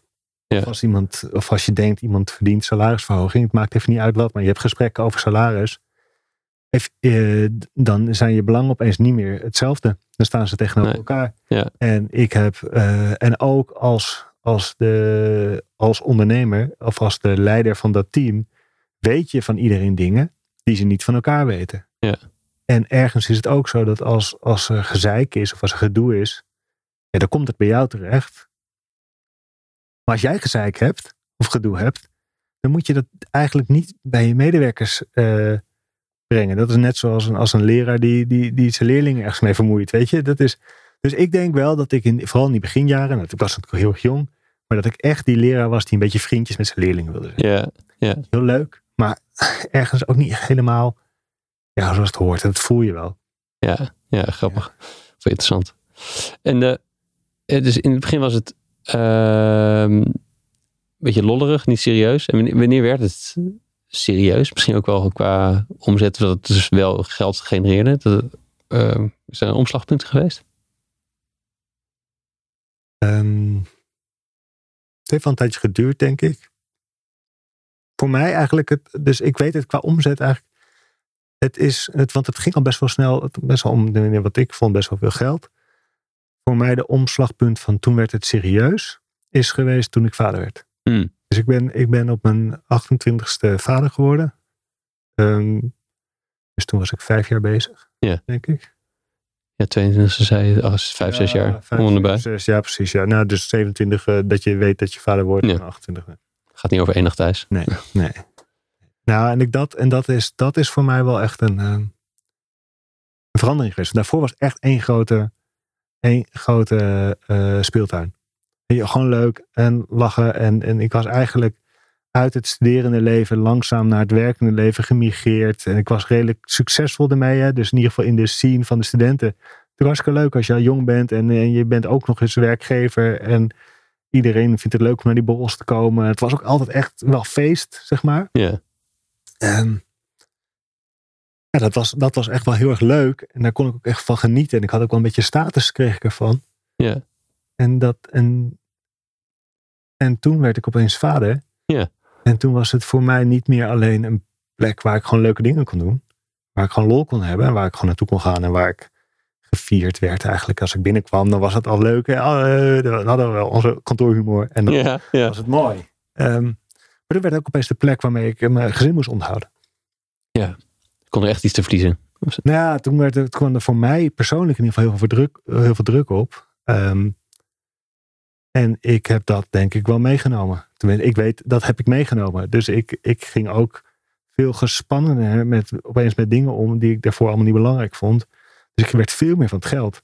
Ja. Veel meer focus op, ja, verdienen we dit wel terug? En, en, en ik was veel meer bang dat het mis Ja. zou gaan. Dat het failliet zou gaan of zo. Of dat er iets zou gebeuren. ja, ja. Of iets. Had ik daarvoor helemaal niet. Daarvoor had ik altijd van, nou dan ga ik toch weer in mijn studentenkamertje in Overvecht. eh, prima, kom alweer goed met mij. En was het, eh, hoe, hoe reageerde de omgeving binnen, binnen onderwijshelden? Eh, Toen heette het waarschijnlijk intussen al onderwijshelden. Ja. Eh, hoe reageerde, Nou, ongeveer toen. Ja, ja. ja. Nou, hoe reageerde Patrick of, of, of jullie medewerkers erop? Want jij, jij, jij kwam met een ander postuur binnen, zeg maar. Ehm, ik denk dat... eh, nou, in ieder geval heel, eh, iedereen heel verbaasd dat ik, dat ik een kind kreeg. Dat was, Oké, ja, ja, was tuurlijk. sowieso heel raar. Dat, ik dat, dat, dat, dat was niet echt wat in de lijn der verwachtingen. Ehm, wel heel lief. En weet je, ieder, het, was zo'n, het was echt zo'n leuk, warm, hecht team dat iedereen heel blij was. Ik weet niet eens of zij, of zij nou, nou, zal, dat zullen we ze moeten vragen. Ik denk wel dat ze het gemerkt hebben. Maar het was voor mezelf. Ik heb het heel erg eh, zelf ook opgelost. Dus Ja. Dat heb ik heel erg zelf gedaan. Ik voelde me daar nog niet helemaal. Ik moest daar zelf ook een beetje aan wennen. Want ik wilde dat helemaal niet loslaten nog. Ik had Dat, dat leven. Of die instelling. Nee, nee, die instelling nog. Dat Mm. was hoe ik gewend was dat het was. En ja, daar kwamen gewoon hele andere dingen in mijn, in mijn, in mijn leven die belangrijk waren. Alleen ik moest nog wel eventjes ontdekken hoe ik. Hoe, hoe- dat moest even op een nieuwe plek. Een nieuwe, een nieuwe manier van. van eh, ja, een nieuwe manier van je leven ordenen. Ja. Heel, heel praktisch is gewoon. Ja, vrijdagmiddagborrel. Ja? We hadden altijd een, we hadden meestal ook een donderdagmiddag en een woensdag, maar vrijdagmiddagborrel. Eh, ja, dat, dat, ja, dat wringt naar thuis. Ik moet, eh, Ja. ik moet de k- kinderen van de, kinderen van de eh, opvang halen. Ja. Of überhaupt eten maken. En eh, de- die tijden kloppen voor gemeten met een borrel. Nee. Precies. En dan was het ook nog eens zo dat mijn dochter, die is twee maanden vroeg geboren. Eh, heeft twee maanden in het ziekenhuis gelegen, waarvan ook deel op de intensive care. Dus het was ook heel erg emotioneel beladen. Ik was er ook echt uit en ik was er ook echt door aangedaan. Eh, die mocht ook niet naar de opvang het eerste jaar bijvoorbeeld, omdat ze kwetsbaar was. En er was eh, ze mm, had heel veel onderzoek, eh, heel veel controles en dat soort dingen. Dus het nam, benam me ook wel heel erg veel. Dus ik denk dat ik ook gewoon redelijk met mijn hoofd er niet helemaal bij ben geweest. Ik denk als je vraagt hoe hebben ze gereageerd. Ja, ik was er waarschijnlijk gewoon met mijn hoofd gewoon niet echt bij. En ik was een beetje zagrijnig en grumpy. En dat hebben ze, denk ik, me gewoon heel erg gegund en die ruimte gegeven. Ja. En, en nou, dat lossen we wel voor hem op. Ja, ja, ja. En, maar, en dus ook, ja, dus er speelde natuurlijk meer alleen dan de, de, het postuur van nu wordt het serieus. Ik wil ook mijn gezin onderhouden. De- de- dus er, werd, er waren meerdere veranderingen die allemaal tegelijkertijd plaatsvinden. Ja, het is ook gewoon leeftijd. Ik denk, je komt in, ik kwam in een andere levensfase en je krijgt een andere levensvragen. Ja. En, ehm, en je, wil ander, je verwacht andere dingen van je werk. Dus ik had steeds minder behoefte dat, dat mijn werk alleen maar een plek was waar ik lol had. En het werd steeds meer ook dat het me een bepaalde zingeving gaf. Dat is net even iets, dat Ja. Dat leek daarvoor hetzelfde voor mij. Ja, die- Rol is zingeving. En dat hoeft niet eens ouderschap te zijn, maar dus ook die fase gaat het opeens in. Hè? Ja. Ja, dus het was ook, dus, dus ook, ook gewoon in levensfase. Ehm, en het werden gewoon grotere bedragen, weet je. De omzetten gingen gewoon omhoog. En, Ja. Dus dat, eh, ja, dat is ook wel weer leuk. Ik kon, ook wel, ik kon ook wat duurder wonen en zo, weet je. Dus dat is ook wel weer, dat heeft ook weer positieve kanten. ja, ja. Nee, serieus met het bedrijf omgaan kan natuurlijk heel goed zijn. Ja, het is eh, nooit een heel serieus bedrijf geweest. Nee, maar serieus ermee omgaan. Dat Ja. het wel niet, eh, niet heel strikt zakelijk eh, allemaal strak. maar wel, we, we doen iets echts. Niet, niet, het is geen spelletje meer. Ja, en tegen die tijd hadden we ook wel. Eh, we deden ook examentrainingen bijvoorbeeld. En dat was een heel ander soort businessmodel dan, Mhm. eh, dan, dan, dan studenten op uurbasis eh, op een school neerzetten. Ehm, en dat had ook een heel ander karakter. Dus dat was, eh, dat we gingen heel snel, want die, dat, is, dat fenomeen is gewoon heel erg opgekomen, ook in die tijd. En dat eh, heel erg seizoensbusiness. Want dat ging dus heel erg op basis van de, ehm, eh, ja, vlak voor de examens. Nou, Natuurlijk. komt er nu weer aan. Hopelijk, als dat door corona toe, toestaat. Maar dan ehm, moet je dus heel veel regelen in een hele korte tijd. Want dan, dan gaan die examentrainingen. ehm, maar dat maakt dus ook heel, heel veel druk. Want je bent dus een heel seizoen bezig om, om, om dat goed, goed op te zetten. En er moet eigenlijk best wel wat geld in zitten. En marketing en een site. En, en dat moet je allemaal in één periode terugverdienen. Dus ik was altijd, ik was echt niet te genieten van januari tot en met nou, april, zeg maar Je wist wat je verkocht had. wel lang. Ja, toen wist ik pas, gaan we, gaan we, gaat, dit, gaan we dit jaar wel weer, eh, gaat dit een succes worden dit jaar? Of, eh, of eh, hebben we een probleem? Ja. Daar kon ik eigenlijk niet zo goed tegen. In die zin ben ik helemaal niet zo goed gemaakt voor ieder geval dat type ondernemerschap. Was ik destijds in ieder geval niet, niet zo, eh, niet, was niet, werkte niet goed voor mij. Ja. Nee. En dus ook niet voor de mensen om me heen. Nee, dat is moeilijker dan. Ja. Ja. Ehm, en, en is dit ook de periode, want jij bent door een paar rollen heen gegaan. En die zijn begonnen natuurlijk gewoon als twee medeoprichters, medebazen. eh of nee, ik weet niet, hoe- misschien in horizontaal noemden jullie dat anders. Eh, maar Oprichters noemden we het. Ja. ja, met, ja eh, negerend dat jullie de baas waren. Maar Ja, soms, soms zei ik wel directeur, maar dat was dan als ik, dat was nooit intern, maar dat was meestal als ik dacht, oh nu is het belangrijk dat ik het belangrijk overkom. Maar en op een gegeven moment hebben jullie. Is Maurice eigenlijk de zakelijk leider? Of ik weet niet wat jullie, welke titel die krijgen. En jij bent ook meer in de saleshoek gaan zitten, toch volgens mij? Zo herinner ik, me, herinner ik me dat. Speelt dit mee met dit januari tot april? Het is belangrijk, dat ga ik doen. Nou, nee, niet, nee hoe, dat was, nou, toen wij begonnen, Patrick en ik, hebben wel altijd gezegd, het is een soort, ook een beetje geïnspireerd eigenlijk op eh, Tim Ferriss. Toen al eh, eh, dat boek gelezen. Van eh, het beste bedrijf wat je kunt hebben is een bedrijf dat helemaal zelf op zichzelf draait. En waar je niet nodig bent. En waar je af en toe kan inchecken, hallo kunt zeggen. En even in een knopje kunt omzetten en dan weer weg kunt gaan. Dat was een soort droom. Dat was een soort idee dat we hadden van, oh ja, daar gaan we naartoe werken. Dat is als we dat ons lukt, een beetje op schaal. eh, en dat je dan niet meer hoeft te werken en dat je niet meer nodig bent, dat is mooi. En op een gegeven moment waren we wel op een moment dat in ieder geval dat we dat wel wilden proberen. Dat we dachten, wat nou als we onszelf hier een beetje uit gaan organiseren. En voor Patrick, die was dat heel erg, eh, die is volgens mij toen al begonnen met Evi, waar die, hè, dat doet hij nog steeds, drones eh, bouwen. Een breekjaar. Dus, en breekjaar en Ja. andere activiteiten. Die is in ieder geval al veel naar buiten gegaan. En ik eh, had wat meer tijd voor mijn gezin nodig ook. Hè. Dus, dus helemaal omdat, omdat er dus geen opvang mogelijk was. En allemaal andere dingen.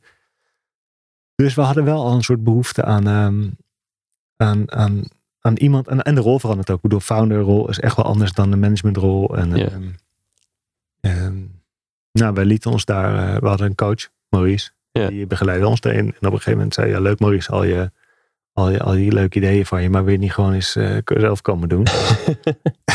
Want eh, ja, je hebt, ja, je hebt, je hebt zulke goede ideeën. eh. dus het, eigenlijk was het oorspronkelijke idee dat. Nou, toen ging, oh nee, toen ging Patrick ging toen een soort wereldreis maken. Dus eerst was het Oh ja. van, dan gaat Patrick gewoon even weg. Dan komt, maar ik had wel zoiets van, nou, dan vind ik het wel fijn als er nog iemand, eh, als, ik vind het fijn om met iemand te sparren altijd. Ik kan beter nadenken als ik dat met iemand doe dan in mijn eentje. Dus kwam Maurice, is eerst wat een soort interim periode. Maurice kwam alleen even die examentraining eh, opvangen of zo. Dus hij heeft er wel een beetje mee te maken, ja. En daarna bleek eigenlijk van, oh ja, dat, dat, dat ik en Maurice in ieder geval heel erg goed met elkaar klikten. En toen heeft hij, uiteindelijk heeft hij een wat permanentere rol in de, in de organisatie. Vind je het ook fijn dat er een andere, andere met gebrek aan beter worden een volwassene stem in de, in de club was? Nou ja, ik denk wel dat het weer. Dat, het, ehm, dat ik het toen. Ook toen nog steeds wel fijn vond dat ik het niet in mijn eentje het besluit hoefde te nemen. Hmm. En dat er iemand was die, die het wel wist. Zeg maar net zoals ik eerst naar Patrick keek. Van, oh, die, die heeft hier verstand van.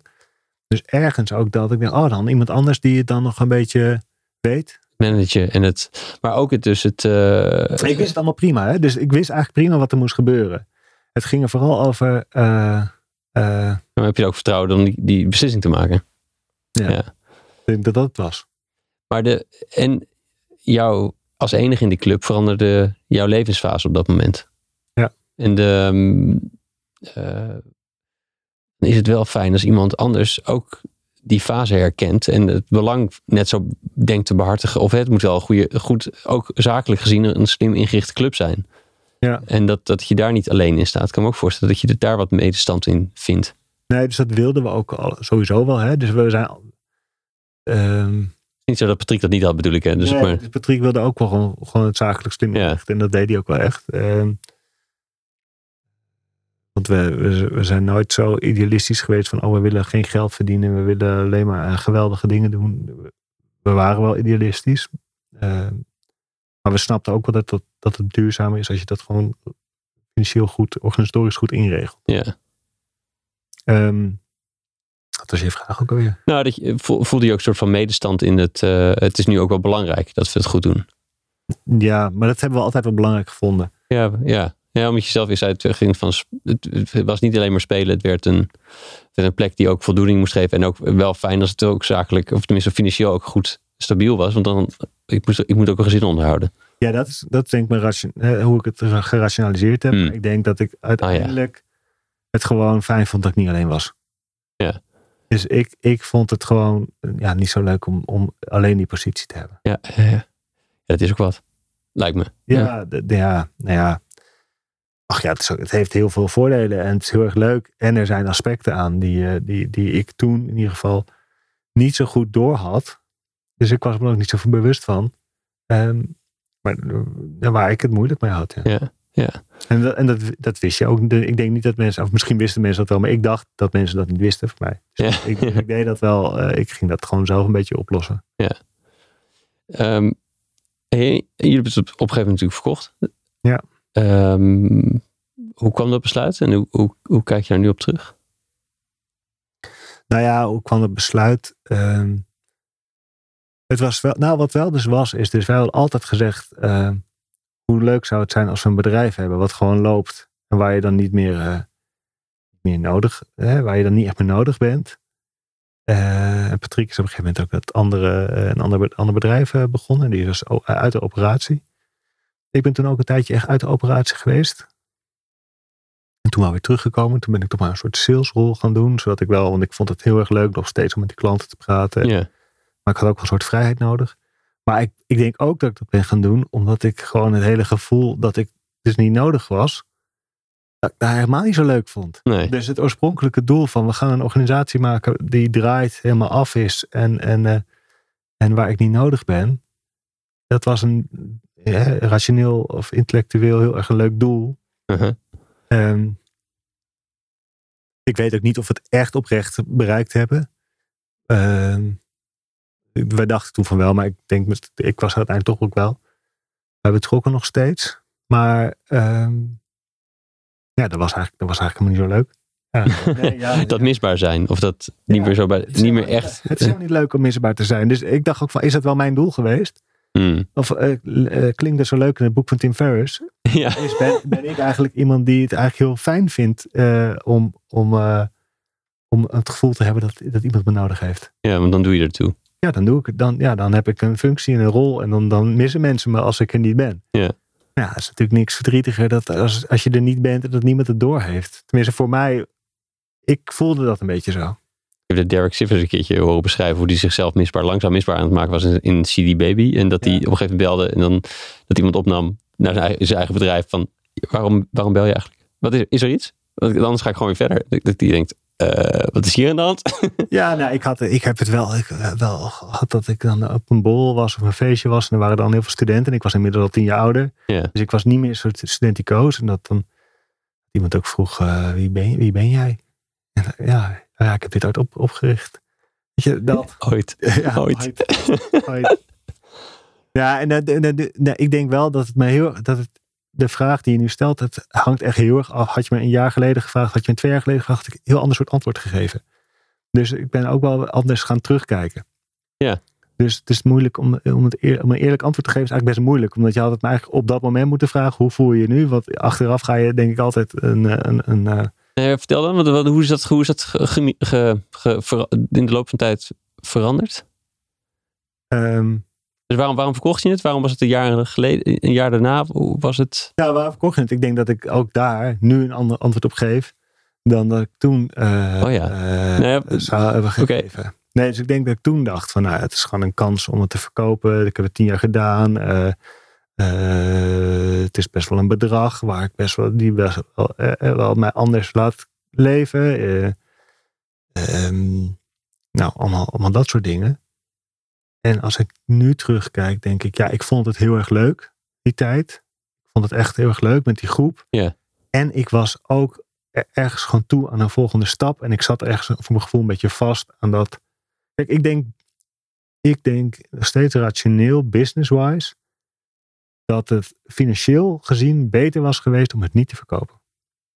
Want, want je denkt dat het groter had kunnen ja, worden. Het, ja, ja, ik denk dat, uh, dat het echt heel erg groot had. Uh, ja, dat is gewoon ik een paar jaar geleden ook wel eens hoor vertellen. Dat je denkt, ja, eigenlijk ja, dat wel, hadden we het tot het max uitgespeeld. Voor wat we als kleine club konden doen. Of zo. Ja, wat wij konden doen, ja. Maar ik denk wel, ik denk dus ook van, hey, dan had ik daar het lef gehad om een grote broek aan te trekken.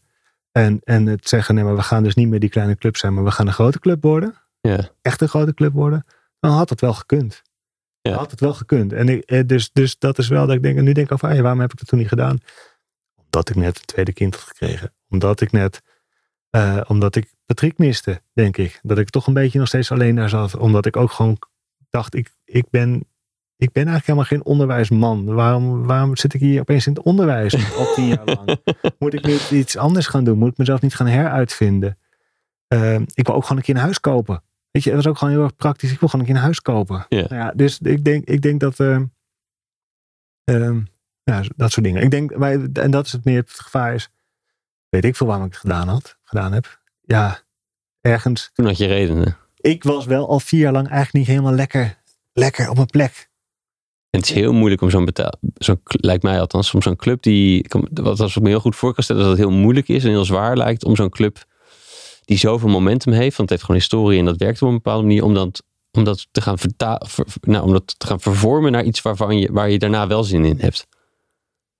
Dat, het, dat je dit, want je moet zoveel aanpassen. Als het de club worden ja. waarbij je dan denkt, daar is over zoiets uh, klaar. Het geen, onderwijs moet dat wel. Uh, grote broek aan, grotere, grotere organisatie worden. Nou, ik denk wel dat ik dat had, dat ik dat had, had kunnen doen allemaal. Dus dat had allemaal best wel gekund. Maar nee, ik voelde, ik voelde, ja, ik voelde het gewoon niet. Nee. Ja, achteraf denk, ja, nee. denk ja, ik denk dat ik op dat moment gewoon zoiets had van, nou, ik, uh, ik, ik, ja, ja, ik heb wel zin om iets anders te doen. Ja. En ik, ook van, ik leer niet zoveel meer. Hmm. Dus ook van, ja, ik ben nu een beetje, dus als ik dit nu nog vijf jaar ga doen, dan ga ik, dan ga ik uh, nog meer rectoren spreken. Ja. en ik, ja, en dus ik had echt zoiets van, oh ja, dat, ja, wat ga ik dan nog leren? Terwijl ik nu denk, ja, joh, ja, ik had toch best wel wat kunnen leren. Had ik je andere dingen moeten gaan doen, maar ik had, als ik, dan had ik op een andere schaal moeten, had ik misschien extern geld moeten aantrekken. Nou, dan had ik uh, weer wat geleerd. Ja. Had ik al een heel, een heel nieuw proces in gegaan. Maar daar was ik blijkbaar ook niet, weet je, ja, daar was ik blijkbaar niet toe geneigd. Nee, nee. Nee, grap, ja. Het is ja, mooi hoe dat, hoe dat verandert. En wat, wat, wat je nu denkt dat misschien onderuit speelde. Dat, uh, in plaats van wat je toen dacht, uh, wat de reden was waarom het een slim idee was. Ja, ja ik ben, maar ik ben, ik ben natuurlijk wel op gaan reflecteren. Ja, dus, ja. Uh, ja. Ja, ja dus die periode is ook interessant. Want op een gegeven moment heb je, je, je dacht een jaar. Uh, uh, nou, ik hoef even niks een jaar. En daarna dan komen er vast ideeën en dan ga ik iets nieuws doen. Ja, in eerste instantie was ik gewoon vooral heel opgelucht. Dat ik dacht van, hé, ik heb nu tien jaar lang kaart gewerkt. Uh, mooi business neerge, neergezet. Boel verkocht. En ik heb nu, ik kan nu gewoon even lekker, even met niet s ochtends, eh, weet je, ik, eh, gewoon wakker worden en zonder dat ik, dat ik, dat ik daar een soort, nou, een stress was niet per se, ja, ik was, ik heb ook een periode dat ik al stress had hoor. Ja. Maar ehm, dat, was, dat was denk ik niet per se het probleem. Maar gewoon wakker worden en, eh, en daar- daar niet mee bezig zijn. En ja, dat, is, dat, dat leek me heel erg leuk. Nou heb ik een half jaar leuk gevonden. Ja. Ja. ik kan voorstellen dat je het gevoel hebt dat je de landing goed hebt gedaan, zeg maar. Dat je ook, ook de, de hele vlucht. Oké, oké, dit is Nou, wat het fijn goed neergezet. Kijk, voor mij, wat voor mij echt wel heel fijn was, is. ehm, eh, ik was. Kijk, ik, het enige wat ik was op een gegeven moment. was een. succes, ik was succesvol als jonge ondernemer. Zo, eh, eh, in het onderwijs dan. Eh, dat was mijn succes. Dat was ook wie ik, ja, wie ik was. Een beetje, oh, die leuke jonge ondernemer die. eh, maar ik werd alleen maar ouder. Weet je, dus ik op een gegeven moment die jonge ondernemer niet meer. Dus, dus ergens ging dat, al, ging dat al niet meer helemaal als spaak lopen. Ehm, dus, dus ik dacht van, oh ja, nu kan ik ook iemand anders misschien zijn. Dus oh, dat is wel leuk dat ik dat niet meer, dat ik dat niet meer ben.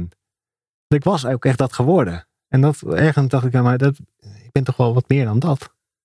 Dus het is, het is fijn dat je het niet meer, niet meer was. Want, of tenminste, want het, ik, ook, een tegenhanger is misschien ook wel lastig. Want dan, oh, nou opeens niet meer die succesvolle... Nee, kijk, en wat, het, wat er fijner was, is dat, kijk, zolang je nog bezig bent, dus zolang je nog een, een, een business aan het runnen bent, dan kan er altijd iets gebeuren, iets onverwachts, bijvoorbeeld de pandemie of zo, of dat, Mhm. dat de examens worden afgelast, wat op een gegeven moment vorig jaar gebeurde. Hm, Nou ja, dan kan je opeens onderuit gaan. Weet je? En, en ergens was het dus altijd van, ja, ik voel me nu succesvol, maar ik heb dit nog niet succesvol afgerond. Ja. Dus ik denk dat voor mij de opluchting wel heel erg was van, helemaal omdat, nou, omdat ik altijd gevoeld heb, ondernemen is iets wat je niet moet doen, dat is gevaarlijk, dat is heel veel risico's. Omdat ik dat een beetje van thuis heb meegekregen. Dat ik dacht, oh, laten zien dat ik dit dus ook kan, dat ik hier een strik omheen kan doen. En dat ik dit succesvol kan afronden. Ja. Ik denk dat dat voor mij, eh, dat dat een hele grote drijver is geweest. Straks landing. Ja, de turner die van de rekstokken afkomt en tsk, staat. Ja, precies. In plaats van dat je nog in de oefening bent en nog bezig bent. Ik weet niet waarom we de turn-analogie hebben, maar dat... Ja, daar heb je zo'n landing die je perfect moet afronden en dan is het klaar. Ja, nou, en dat heb ik niet helemaal perfect gedaan. Dus ik heb nog wel een beetje zo gewiebeld bij, het landen, zeg maar. En dan op een gegeven moment zo je hand, eh, hand omhoog naar de jury. En nou, eh, goed, goed, goed gedaan. Goed genoeg, zeg maar. Ehm, en dat heeft me het eerste half jaar wel echt heel veel voldoening gegeven. Ja. Ik, eh, weet je, ik heb zo'n playlist eh, in Spotify en we hebben een winnaar. En daar zit het, eh, heb ik allemaal liedjes in. Allemaal hele, hele eh, nou ja, allemaal liedjes die over winnen gaan. En, en die sowieso zet ik die heel vaak op. Ook als ik naar, reed dan naar scholen toe voor salesgesprekken en zo. En als ik dan het gevoel had, dit is een goed gesprek, dan zet ik altijd dat, dat nummer op. Nou, die zet ik, zet ik altijd op. En ik, was, ik wilde een huis kopen, dus ik ging ook altijd door de bossen rijden. Want ik wilde echt een huis kopen in een bosrijke omgeving. En dan, dan reed ik daar en dan had ik dat, die playlist aan. We hebben een winnaar. En ja, dat was super mooi. Ik weet niet hoe ik dat nu, hoe kom ik daar? Nou, dus ik heb heel lang echt die winnaar. Waarom je daar... Ik heb me heel lang de winnaar gevoeld. En dat was wel even lekker. Weet je, als tijdens de wedstrijd kan, weet je nog, nog niet helemaal zeker. Mhm. Gewonnen en toen had ik gewonnen. En daarna werd ik die jongen die een keer een wedstrijd had gewonnen. En Ja. Als mensen me vroegen, wat doe jij? Zeg ik, ja, nou, ik had een eh, bedrijf. Ik had een bedrijf. Ehm, Had je van tevoren niet zo gerealiseerd waarschijnlijk dat dat... nou, wel. wel. Maar ik dacht, oh, dat is eh, juist heel erg. Maar dat overkomt mij niet, dacht ik.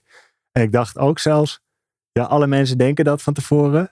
Dat het ze niet overkomt. Dus ik ga er heel goed rekening mee houden. Dus Ja. daardoor overkomt het mij niet. Dus ik, nee, ik was me er heel bewust van. Dat zwarte gat. Maar ik dacht altijd, ja, maar ik ben nog jonger. En ik heb een gezin. En ik ga naar huis. En ik ga echt wel wat nieuws beginnen. Al heel snel komt er waarschijnlijk wel weer wat op mijn pad. Waar ik enthousiast over word en zo.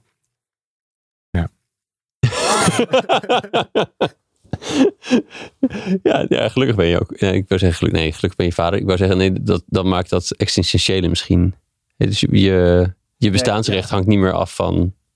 Nee, dus ik heb het een half jaar echt heel erg leuk gevonden dat ik dat dus niet, dat ik dus niet dat nodig had. En dan kon ik daar echt wel op teren. En daarna merkte ik wel van, oh ja, ik heb gewoon heel veel zin om weer Ja. ehm, om te ondernemen. Ja. Om aan iets te bouwen. Weet je, ik miste het gewoon ook heel erg om, om, eh, om iets te doen. En dan weten van, oh, wat ik vandaag doe, daar kan ik over een maand op terugkijken. En dan zien dat het meerwaarde had voor vandaag. Ja. Dus, dus, dus ik, heb, ik, ik heb ook een freelance klus gedaan, eh, dan tussendoor af en toe. En wat ik daar heel moeilijk aan vond, was, was de, dat als je dan dat uurtje gedaan had, dat, dan, dat er, dat er niks, ja, niks tastbaars was. Ja. Dat uurtje was weg. Het uurtje was verdwenen. Het was ergens ingegaan. Weet je, dat was alsof je een Lego stukje uit het raam had gegooid in plaats van op een, op een ding had gedaan. Ja. Ehm, ja, dus eh, ja, daar heb ik me in, daar, daar, daar ben ik dus achter gekomen van, oh ja, blijkbaar heb ik het heel erg nodig om ergens aan te bouwen. Ja. Met een langere termijn dan een maand. Eh, Misschien zelfs wel met een jarentermijn. En niet wetende per se wat er over tien jaar is, maar wel het idee van, oh ja, wat ik nu bouwde, heb ik over tien jaar wat aan. Ja, dat bouwt aan heel, op. erg, heel erg belangrijk. Hmm. Ja. En ehm, je zei net nog, ik heb niet perfect geland. Wat, wat, wat zijn er nog dingen waarvan je denkt, ah shit. Of dat had ik, dat had ik graag anders gedaan? Ja, heel veel dingen had ik graag anders Hmm. gedaan. En ik heb me daar ook. ehm, ik heb dat heel moeilijk gevonden, want ik was zo verbonden met die, met die club mensen. Eh, wat zulke leuke, geweldige mensen zijn waarmee je dit jarenlang gedaan hebt. En op een gegeven moment verkoop je de boel. En ja, zij zitten er nog en jij gaat weg. Ja. Ja, dat is natuurlijk gek. Om weg te gaan bij je eigen onderneming is natuurlijk gek. En ik heb dat heel spannend gevonden. En ik heb dat heel graag heel goed willen doen. Mhm. En dat kan niet, want het doet het voor het allereerst. Dus een van me, die zei dat op een gegeven moment tegen me van... Steven, je bent jezelf nu zo eh verwijt aan het maken dat het niet helemaal gaat, helemaal niet perfect gaat. Maar je doet het eerst, het is de eerste keer dat je het doet, hè? Ja. Dat doe je het eigenlijk nog Ja. wel goed. Nou, dat hielp wel even op dat moment. Maar ergens, ergens heb ik dus wel nog steeds overtuiging, ja, maar ik doe dingen goed. Ja. Ik doe dingen goed. Dat is wel een soort overtuiging. Ik kan dingen goed en ik doe dingen goed. Dus Ja. als het dan niet goed gaat, dan vind ik dat moeilijk. Ja, ja. En ik denk dat ik dat, dat ik heb dat in ieder geval als heel emotioneel heel erg ehm, verdrietig ervaren. Het, het, het achterlaten van ze, of het weggaan, of het. eh, wat, was, Ja, wat was eigenlijk verdrietig? Nee, het was, het was een, het, dat er de, de suggestie werd gewekt dat ik, dat ik, tenminste, ik had zelf het gevoel dat ik ergens een, verraad pleegde. Hmm. Ja, Ja. Aan, aan de groep. Terwijl ik eigenlijk voor het eerst echt ook, voor het eerst, eh, nou in de jaren daarvoor ook wel een beetje, wat eigenlijk was dat ik meer en meer gewoon voor mezelf ging staan. Ja. Dus, weet je, dus meer en meer mijn eigen belang ook ging laten meetellen in de, in de, Ja, en dat is dus voor het eerst ook moeilijk. Ja, nou dat, daar, daar is dit in ge, ge, ge- geculmineerd. Dat een woord? Dus ik denk dat ik, weet je, dat ik de eerste vijf jaar van het ondernemen eigenlijk gewoon heel erg go with the flow ben gegaan. Toen op een gegeven moment vader ben geworden. Toen gedacht van wacht, ik moet, ik heb, ben ook wel echt wel een factor in deze onderneming lijkt me. Dus misschien moet ik ook wat meer gaan doen dat het in mijn belang is. Ja. Bijvoorbeeld gewoon normaal salaris krijgen en bijvoorbeeld eh, dingen wat eh, langere termijn bestendiger maken. Nou, al die dingen. En dat betekent ook dat je eigenlijk weer ter- dat ik soms terrein zeg maar moest winnen voor mijn gevoel en ook steeds meer eigenlijk op mijn plek als leider kwam te staan. Steeds meer ook door had. Oh, maar ik heb blijkbaar een leiderschapspositie als ondernemer. Dat wist ik. Dat, dat had ik daarvoor helemaal nooit zo beseft. Sterker nog, ik had gedaan alsof dat dat niet nodig was. Door helemaal de Semler gedachte aan te, aan te hangen. Terwijl hij natuurlijk ook een hele sterke leider is, Semler. Dus dat is, dat, dat, maar ja. En ja, en dat is uiteindelijk, uiteindelijk uitgelopen in dat ik dacht, ja, ik mag het ook verkopen als, als ik dat wil. Ja. Want het is mijn bedrijf. Maar nog steeds een beetje moeten die- wennen aan dat idee. Ja. Van binnen toch wel, dat wel dat, daar wel heel erg tegen je, tegen je natuurlijke neiging in moet Ja. gaan. Ja. Ja, dus je weet dat je het mag, maar het voelt nog steeds niet alsof dat echt. Nou, en steeds meer voelde dat ook wel. Weet je, dus, ja, dus op een gegeven moment, ik bedoel, je doet het omdat je uiteindelijk voelt, oh ja, dit mag, dit mag wel. Ja. Maar dat is wel een, een, een traject van volwassen worden geworden. Ja. Volwassen worden geweest. Ehm, je zit onder tafel. Ja, er, is een- er zitten tafelpoten onder de Ja, tafel. Ik zit, even- ik zit een beetje te, te hammersen, ja. Ehm, en nu? Wat voelt, wat, ehm, waar hoop je dat je naar, naartoe gaat? Oh, wauw. Een sprong opeens in de tijd. Ehm, want ik zei, je vroeg en nu? En nu dacht ik, zat ik veel meer van, oh, en hoe kijk je nu terug op die tijd? Dus dat was mijn eerste gedachte. Oh ja, Dus ja nou, nou als, dat, ja, als daar iets bij bij komt, ben ik er ook nog wel benieuwd naar. Ja. Zoek, Nou, heel veel trots. Dus dat is wel, dat, Ja. dat is dus, dus het begin heb ik, was het heel erg van, eerst een soort opluchting, hè, blij dat ik er van af ben en daarna een soort verdriet, rouw. En nu denk ik, ach, je wat was het toch een geweldige, geweldige club mensen, wat hebben we dat goed gedaan. Eh daar, kan ik, daar kan ik ook echt wel een beetje van, van vol, nou, nou, een beetje van vol lopen. Dat ik denk, wauw, dat was best wel bijzonder, weet je. Ik was Ja. hartstikke jong. Ik heb, eh, ik heb dat toen samen met Patrick toch ook maar gewoon aangedurfd om dat te gaan doen. We hadden totaal geen idee wat we aan het doen waren. ja. Ehm, het hebben we gewoon supergoed gedaan. Ja. Echt wel, echt wel dat ik denk, nou, als ik, dat nu, als ik nu een jonge ondernemer zou zien die dat zo doet, dan denk ik, nou, lekker bezig. Ja. Weet je, en dat, dat, dat, dat heb ik mezelf nooit zo gegund toen. Ja. Dat gevoel. Ja. En dat, dus dat, ik ben daar wel heel trots op en ook heel blij. En ik, iedereen, ik had toen best wel gedoe met sommige eh, medewerkers, maar de mensen die ik nu nog spreek, eh, als ik ze spreek, spreek ik echt niet iedereen veel, maar de mensen die ik nog af toe spreek, dat is wel nog steeds wel fijn. Weet je, het is, het is niet eh, dat ik het gevoel heb dat ik krijg geen, geen, geen dreigmail thuis of zo. Nou, dat vind ik wel een win. Ja. Was dat een reëel doemscenario? Nou, nou ja, ergens diep van binnen denk ik dat ik heel erg, dat ik heel erg lang, het eigenlijk, ik had het denk ik al veel eerder willen verkopen als ik, als ik, had, als ik had geweten dat de me- mensen daar echt eh, dat heel graag gewild. Ja. Dus ik heb mij heel lang denk ik onbewust laten tegenhouden door, dat die, door die groep. Ja, door het willen, goed willen zorgen voor die Door groep. Goed willen zorgen voor Ja. groep. Ja. Ja. ja, volgens mij heb je dat inderdaad goed gedaan. Ja, ik kan het anders zeggen. Ja, nou ja, ja. Ja, in ieder geval voor die. Ik, ja, ik, ik ben nu heel trots. En ik denk, ja, het had ik misschien. Ja, je had dingen anders kunnen doen, maar ja, wat, wat was er dan gebeurd? Dat weet je niet. Nee. Als je terugkijkt, denk ik, nou, wel, wel lekker bezig. Ja. Ja, Ja. mooi. Hey, hoe, hoe is het starten van iets nu ten opzichte van, nou, 15 jaar geleden? Wat is het? 13 jaar geleden? Ik weet niet precies, maar het, het is, het op je 22 iets starten als student versus nu vader van drie kinderen. Het is wel grappig, we tellen lekker door, zeg maar. Ja, ja ehm, heel erg anders. Ik weet niet of de tijd, of het per se anders is eh, om in deze tijd iets te starten dan vroeger. Het, ik, dat zou je kunnen gaan zeggen, maar dan word je ook een beetje zo'n oude lul die zegt vroeger was alles anders. Ja, Misschien wel. ehm, ik denk dat de, dat de houding ten opzichte van ondernemen wel veranderd is. Dus ik denk dat ondernemen stoerder of leuker of, of, of meer een logisch carrière. in de tijd, tijd- tijdgeest bedoel je. Ja, ja, precies. Ja. Dus 15 jaar geleden was het, was, was het toch echt wel heel erg raar. Dat, eh, waarom zou je niet gewoon voor een corporate carrière gaan? Ja. Nu vinden mensen het toch best wel logisch als je zegt: nee, ik ga niet voor die corporate carrière, ik ga een onderneming starten. Kan ook zijn dat mijn omgeving gewoon veranderd is. Weet je, dus het vind ik moeilijk omdat, eh, omdat maar ik heb het gevoel wel dat En voor jou, zeg maar, dus in de le- qua levensfase, dus hoe het, ehm, hoe, eh, je was toen 22, nu ben je een stukje ouder. Ehm, hoe, hoe, hoe- hè, dus daarom bedoel ik ook vader van drie kinderen. Wat maakt, wat maakt het anders om iets te starten? Ja, ehm, dat je dat, dat. Kijk, de vorige keer is het me echt gewoon. Kwam de kans op mijn pad. Dacht ik gewoon, nou, lijkt me wel leuk. Ik heb niks te verliezen. Ik had ook niet echt iets te verliezen, weet je. Ja, ik kon gewoon lening opschroeven bij die weegroep. Ja, Eh, en eh, doorleven zoals ik deed. Ik had geen vaste lasten. Ja, nu heb ik toch wel meer, meer, meer druk van, oh ja, als ik iets maak of als iets begin, dan moet dat toch ook wel een beetje kloppen. Ik denk er ook beter over na. Tegelijkertijd, ik, ik vind het heel moeilijk te vergelijken. Eh, Het is anders. Ja. Het is anders. Ik ben ook gewoon een heel ander iemand. Ja. Ja. zo, eh, wat, zijn er, wat zijn dingen die je, waarvan je denkt, nu ga ik het zo, nu, als ik nu iets ga bouwen, dan ga ik het zo doen. Wat eh, heb, je daar, heb je daar voorbeelden van? Ik, ik ben financieel. eh, ik- denk dat wat, wat wel.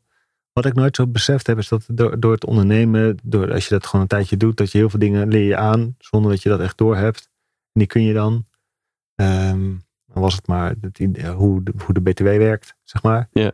Eh, en dat is dan heel, heel klein iets praktisch, maar het zijn ook wat, wat, wat, wat, wat, wat meer informele dingen of impliciete dingen, denk ik, die je, die je dan leert. Gewoon een goed, goed, goede begroting maken, goed jaarplannetje maken even in je hoofd snel rekenen van kan dat uit ja of nee. Hoeveel, eh, hoe doe je ma- oh, ja, hoeveel kost het als je iemand voor marketing wil inhuren? Dat weet je dan wel een beetje. Daar heb je wel een gevoel bij. Nou, dat had ik toen allemaal niet. Nee. Ik wist niet eens dat dat marketing heette. Weet je, dit, eh, ik, dat is ook wel. Ik heb nooit voor een baas gewerkt, nooit in een corporate gewerkt. Dus op het begin was ik ook heel erg bezig met gewoon sowieso uitzoeken. Hoe, werken, hoe, werkt, een, hoe werkt werk? Hoe werk ik? Hoe ziet werk eruit? Hoe werkt een organisatie? Wat voor afdelingen heb je nou eigenlijk nodig? Wat voor een, ja, en dat weet ik inmiddels wel. En dat is denk ik anders. Dus ik ben veel, veel eh, planmatiger bezig. Eh, nou, ja, ik heb, meer, ik heb meer structuur in mijn hoofd. Ik weet niet of ik ook echt structuur heb in mijn handelen, maar ik heb meer structuur in mijn hoofd dan. Volgens mij heb je ook structuur in je handelen, maar Ja, ik heb jouw Trello-bord's gezien, eh, vrienden. Maar Ja, dat is wel grappig, want eh, eh, ik, daarin, ik was ten opzichte van uh, bijvoorbeeld Patrick, was ik heel erg, denk ik, degene die de blauwe gestructureerde energie bracht. Maar ik werk dus nu samen met, met Mark en, en die ziet mij dus, die is best wel, best wel fors van het blauwe. En daarin ben ik echt de hele creatieve, gelige jongen. Dus het, ik ben, heb blijkbaar ook de neiging om, om, om de rol die vrijkomt in te vullen. Ja, ja. Dat herken, dat, dat, dus ik, ik ben er ook wel flexibel in. Ja, grappig. Dus ja, wie maakt dan het contract? Normaal gesproken zou ik heel duidelijk, dat is gewoon een contract uit, uh, een soort samenwerkingscontract, daar zou ik wel helemaal ideeën hebben. Maar als iemand anders dat doet, dan denk ik, oh chill.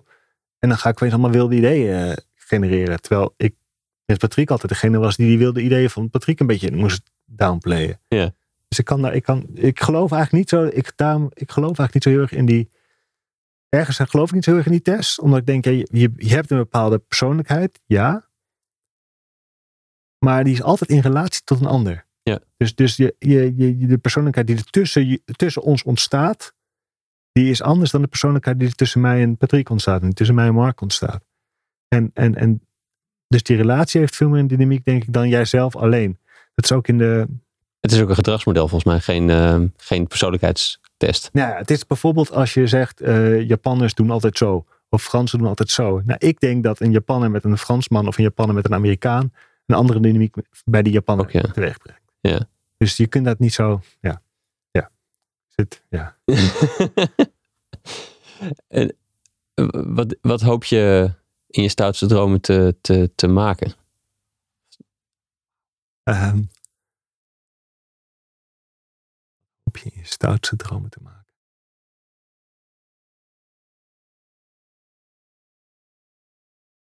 En ik ben daar een beetje. Ik heb, daar, ik heb dus niet zo heel duidelijk, denk ik, voor me. Ik ben daar misschien ook niet zo heel erg doelgericht in. Maar wat zijn ingrediënten die daarin spelen? Ja, het gaat veel meer over hoe ziet het er dan uit. Hè? Ja. Nou, dat, is, dat heeft dus wel te maken met wat ik dus prettig vind, is een club om een beetje bij te horen. Dus dat het groter is dan ik zelf. Dus ik vind het in mijn eentje zijn niet leuk. Um, uh, dat het een beetje loopt succesvol is. En succes gaat voor mij dus helemaal niet per se over dat het al heel veel geld oplevert, maar wel dat het gewoon dat het leeft, dat het bruist, dat er energie in zit. Ja.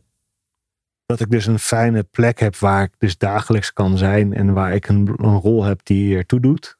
Uh, dat ik flauwe grappen kan maken, dat mensen daarom lachen. Weet je, dat, is, dat is voor mij heel belangrijk. Moet je het zelf hebben gecreëerd dan? Want dat, dit, in deze, dus ik vind het heel mooi. De dingen die je zegt vind ik heel mooi. Maar de, de, moet, je, moet jij dat hebben gecreëerd? Ja, blijkbaar wel ook. Ja. Dus dat is wel dat ik me ook afvraag van waarom ga je dan niet gewoon naar zo'n plek toe?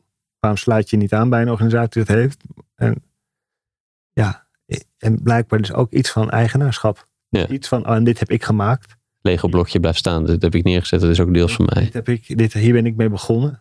Sterker misschien dat nog wel nog belangrijker dat ik ermee begin dan dat ik degene ben niet afmaakt. Ja, dus, maar, dus je hebt ook behoefte dat je, dat, dat je jouw idee nu neerzet. Ja, jij, mijn, nou, uiteindelijk denk ik, zie ik het een beetje als, uh, net zoals een, uh, hoe heb ik dit wel eens tegen je gezegd, maar net zoals een, een, een, een artiest, een kunstenaar de neiging heeft om een, om een, om een, om een schilderij te maken, mm -hmm. zo heb ik gewoon de neiging om een bedrijf te maken. Het is helemaal niet per se dat ik dat, ik dat helemaal doe met, oh, ik precies dit, precies dit landschap naschilderen. Nee, ik begin daarmee. Ik begin daar een beetje zo te schetsen en te bouwen en te creëren. En dat, dat geeft voldoening. Dat, dat, dat, dat is een wisselwerking. Ja, dat vind ik heel erg, daar, daar, daar leef ik wel voor. Dat geeft mij wel echt een soort, uh, die rol als ondernemer. Van dat je iets, iemand bent die iets aan het bouwen bent. En waar je persoonlijkheid in naar voren komt. Mm. Een manier is om je te manifesteren in de wereld. Het klinkt heel, heel dramatisch. Maar het is eigenlijk heel klein. Het is gewoon, ik doe iets wat bij mij past. Ja. Ja, waar je mij ook terug in ziet, waar je mij in terug voelt. Ja. Als, je, als je ziet, oh, dit is, een, dit is een bedrijf, oh, en het past ook echt bij Steven.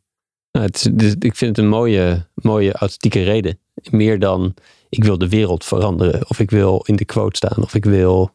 Het is op dat moment op zo gezien worden. Je wil gewoon iets. Je, je wil jou kunnen zijn op een manier. Ja, maar het is misschien wel een megafoon. Weet je, het is... ik probeer te zeggen, wat mooi dat je dit zo... Nee. nou ja, ja dus ik denk dat al, eh, ja, maar het is ook een megafoon van kijk mij eens. Ik maak, kan mezelf groter maken door. Dus, dus misschien ben je wel een soort cyborg. Dat je, je, je, je bent een mens als onderdeel van een groter geheel. Dus je hebt allemaal dingen die je aan jezelf plakt en hangt en maakt. Waardoor je zichtbaarder wordt en groter wordt en meer kunt. Dan wat je in je eentje als klein, een klein mannetje, kwetsbaar mannetje kan. Ja. Dat zou ik hem ook, ook vertellen. Dus eh, ik denk wel dat het voor mij een soort megafoon is. Dat het diep van binnen waar mij iemand zit van kijk mij eens. Kijk mij. Mhm. Kijk, kijk mij. Ja. Kijk mij nou. ja. ja, ik denk wel dat ik dat heb. Is ook niet onnatuurlijk natuurlijk. Nee, ik denk dat, ik denk dat heel veel mensen gezien willen worden. Hmm. Eh, en helemaal ondernemers. eh, ik denk dat 80%, 80% van ondernemers eigenlijk eh, eh, onzeker, ergens diep van binnen onzekere eh, overachievers zijn. Hmm. Dus mensen die echt wel iets kunnen en ook geleerd hebben. Dus om gezien te worden moet je gewoon heel veel resultaat boeken. Dan zien mensen je wel en dan krijg je allemaal, eh, allemaal props. En dat is lekker. Ja. Ja, is ook lekker. En dat vond ik ook heel moeilijk. Op een gegeven moment kon ik dus alleen nog maar mijn verhaal houden. Over dat ik ooit een succesvol bedrijf had. En wat doe je nu dan? Ja. Ja, ik ben nu gewoon weer een beetje aan het klooien in de marge. Dus dat zei ik dan ook. En dat was helemaal niet goed, want het was niet waar. Alleen op een manier, ja, omdat het dan nog niet zomaar zo, ja, je begint gewoon opnieuw. En je weet nog helemaal niet zeker, is dit het dan wel? Weet je, Ja. je- ik moet toch wel weer iets nieuws beginnen nu. Best wel veel Lego blokjes op hun plek gezet. Maar ik weet niet hoeveel ervan blijven staan. Ja, weet je, je zit een beetje te legoen zonder dat je, zonder dat je ziet van, oh ja, dit wordt het. Ja. Nou, dat is best wel, dat was wel even, gedoe. Ja. Ja. Ik ben een beetje naar afronding gaan. Ja, jammer. Ja. Het was net voor, Ja, dit, dit, dit riekt naar een deel 2. Maar Ja. dat, eh, dat kan je van tevoren nooit zeggen. Dus dat, dat, ehm, ik had je gevraagd om je, eh, misschien om je favoriete bezigheid, dingen die jij leest of dingen die jij ziet, eh daarover, om er twee uit te kiezen die je zou willen delen. Ja. Heb je een, een tip, mag een boek zijn, mag iets anders zijn, voor een luisteraar? Ja. Wat heb ik over nagedacht? nee, er, zijn twee, er zijn eigenlijk twee over boeken. Zou ik twee dingen willen zeggen. Ehm, ik heb echt belachelijk veel eh, non-fictie, dus managementboeken, businessboeken gelezen. Dat vind ik super waardevol.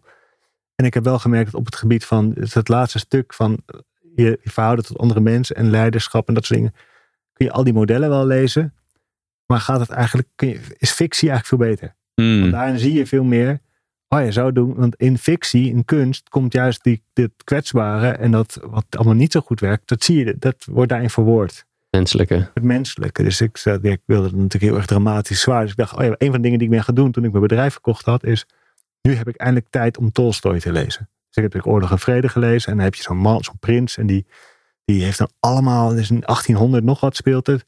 Een man die allemaal levensvraagstukken heeft. En, eh, en eh, nou nadenkt over wat, wat, wat doe ik hier eigenlijk. En die is dan bijna dood op het slagveld. En denk ik, oh ja, dat, dat heeft eigenlijk meer waarde dan zo'n zo'n model van Kofi.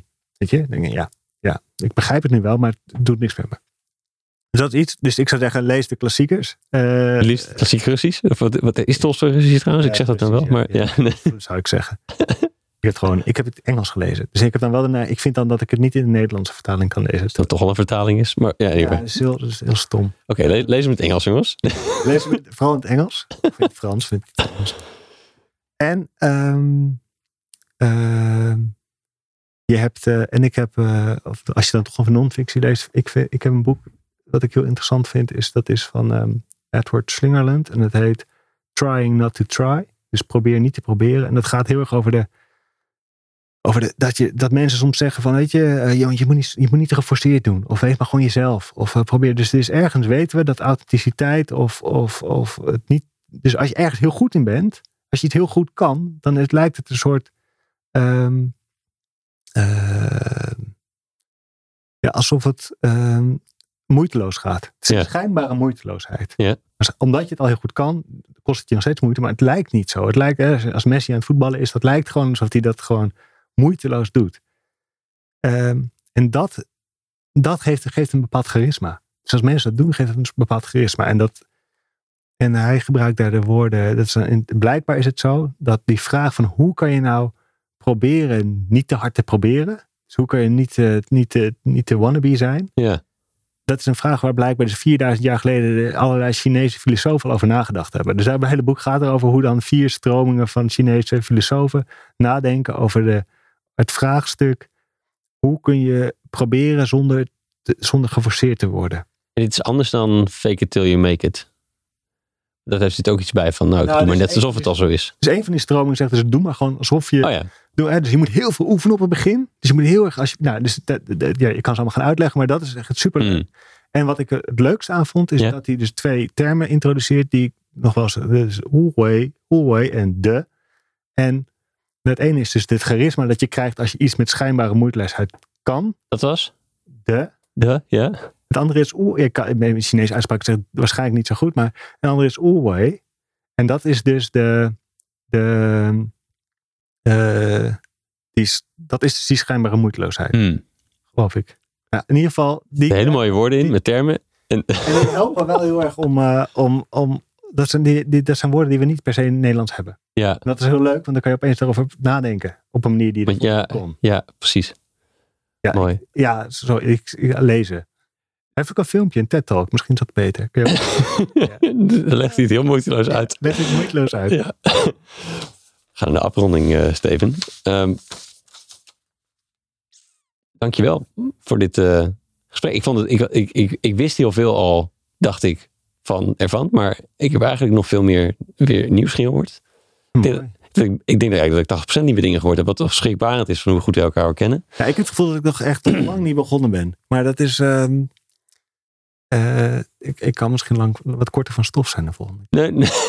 de volgende keer, mooi. Dat komt de volgende keer. En de, ehm, nee, dus ik, denk- ik, denk dat, ik, vond, ik vind het een heel mooi eh, hoe je erover vertelt, hoe je erop reflect- gereflecteerd hebt en hoe je dat daar ook gewoon zegt van, oh, dit is hoe het voor mij was. Ehm, waar we het niet over gehad hebben, is dat wij natuurlijk ook een, eh, verwoede poging hebben gedaan om samen iets te beginnen. Ja.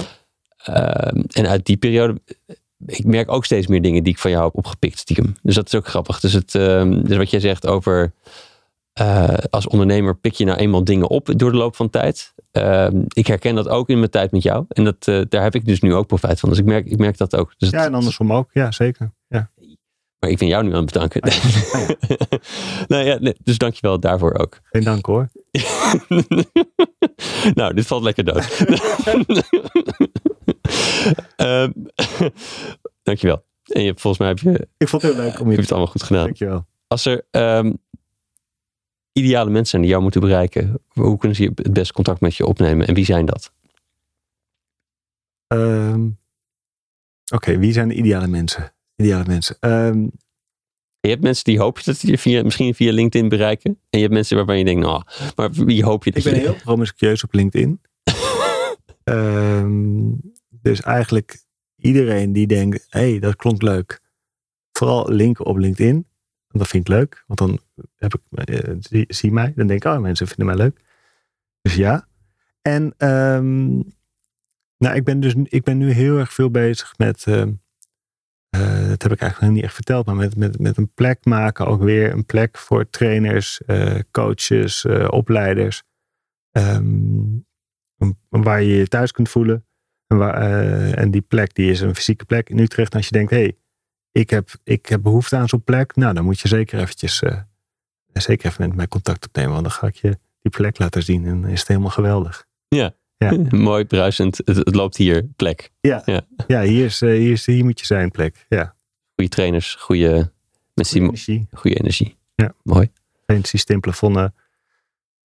Energie. Mooie uitmijter. Ja. Zou jij eh, hem af willen sluiten door op die knop daar eh, te drukken? Het is, het is die rode. Ja, heel veel. Je mag, je mag lekker ro- rotzooien en rommel maken. Ja, dat is hem. Dat is hem zeker. Ja, Rek staat erop. ja. Zet maar uit. Ja, dat was hem alweer. Dankjewel voor het luisteren. Wil je zeker weten dat je de volgende aflevering ook vindt? Abonneer je dan op de podcast. Je weet hoe het werkt in de app die je gebruikt. Weet ook dat ik van alle afleveringen uitgebreide show notes met de lessen en de links uit het interview maak. Deze vind je op www.studiogeorge.nl slash podcast. En ik ben heel benieuwd hoe je het gesprek vond. Waar kon je geen genoeg van krijgen of waar zou je meer van willen horen tijdens de gesprekken? E-mail me op tijmen.studiogeorge.nl Als laatste, na elk interview werk ik één inzicht uit in een korte blog. Die stuur ik met liefde naar je inbox, gepaard met wat links die me inspireerden die week. Meld je aan voor dit Espresso Shot strategie op www.studiogeorge.nl slash shots of strategy. Allemaal aan elkaar. Heb een goede dag en tot de volgende.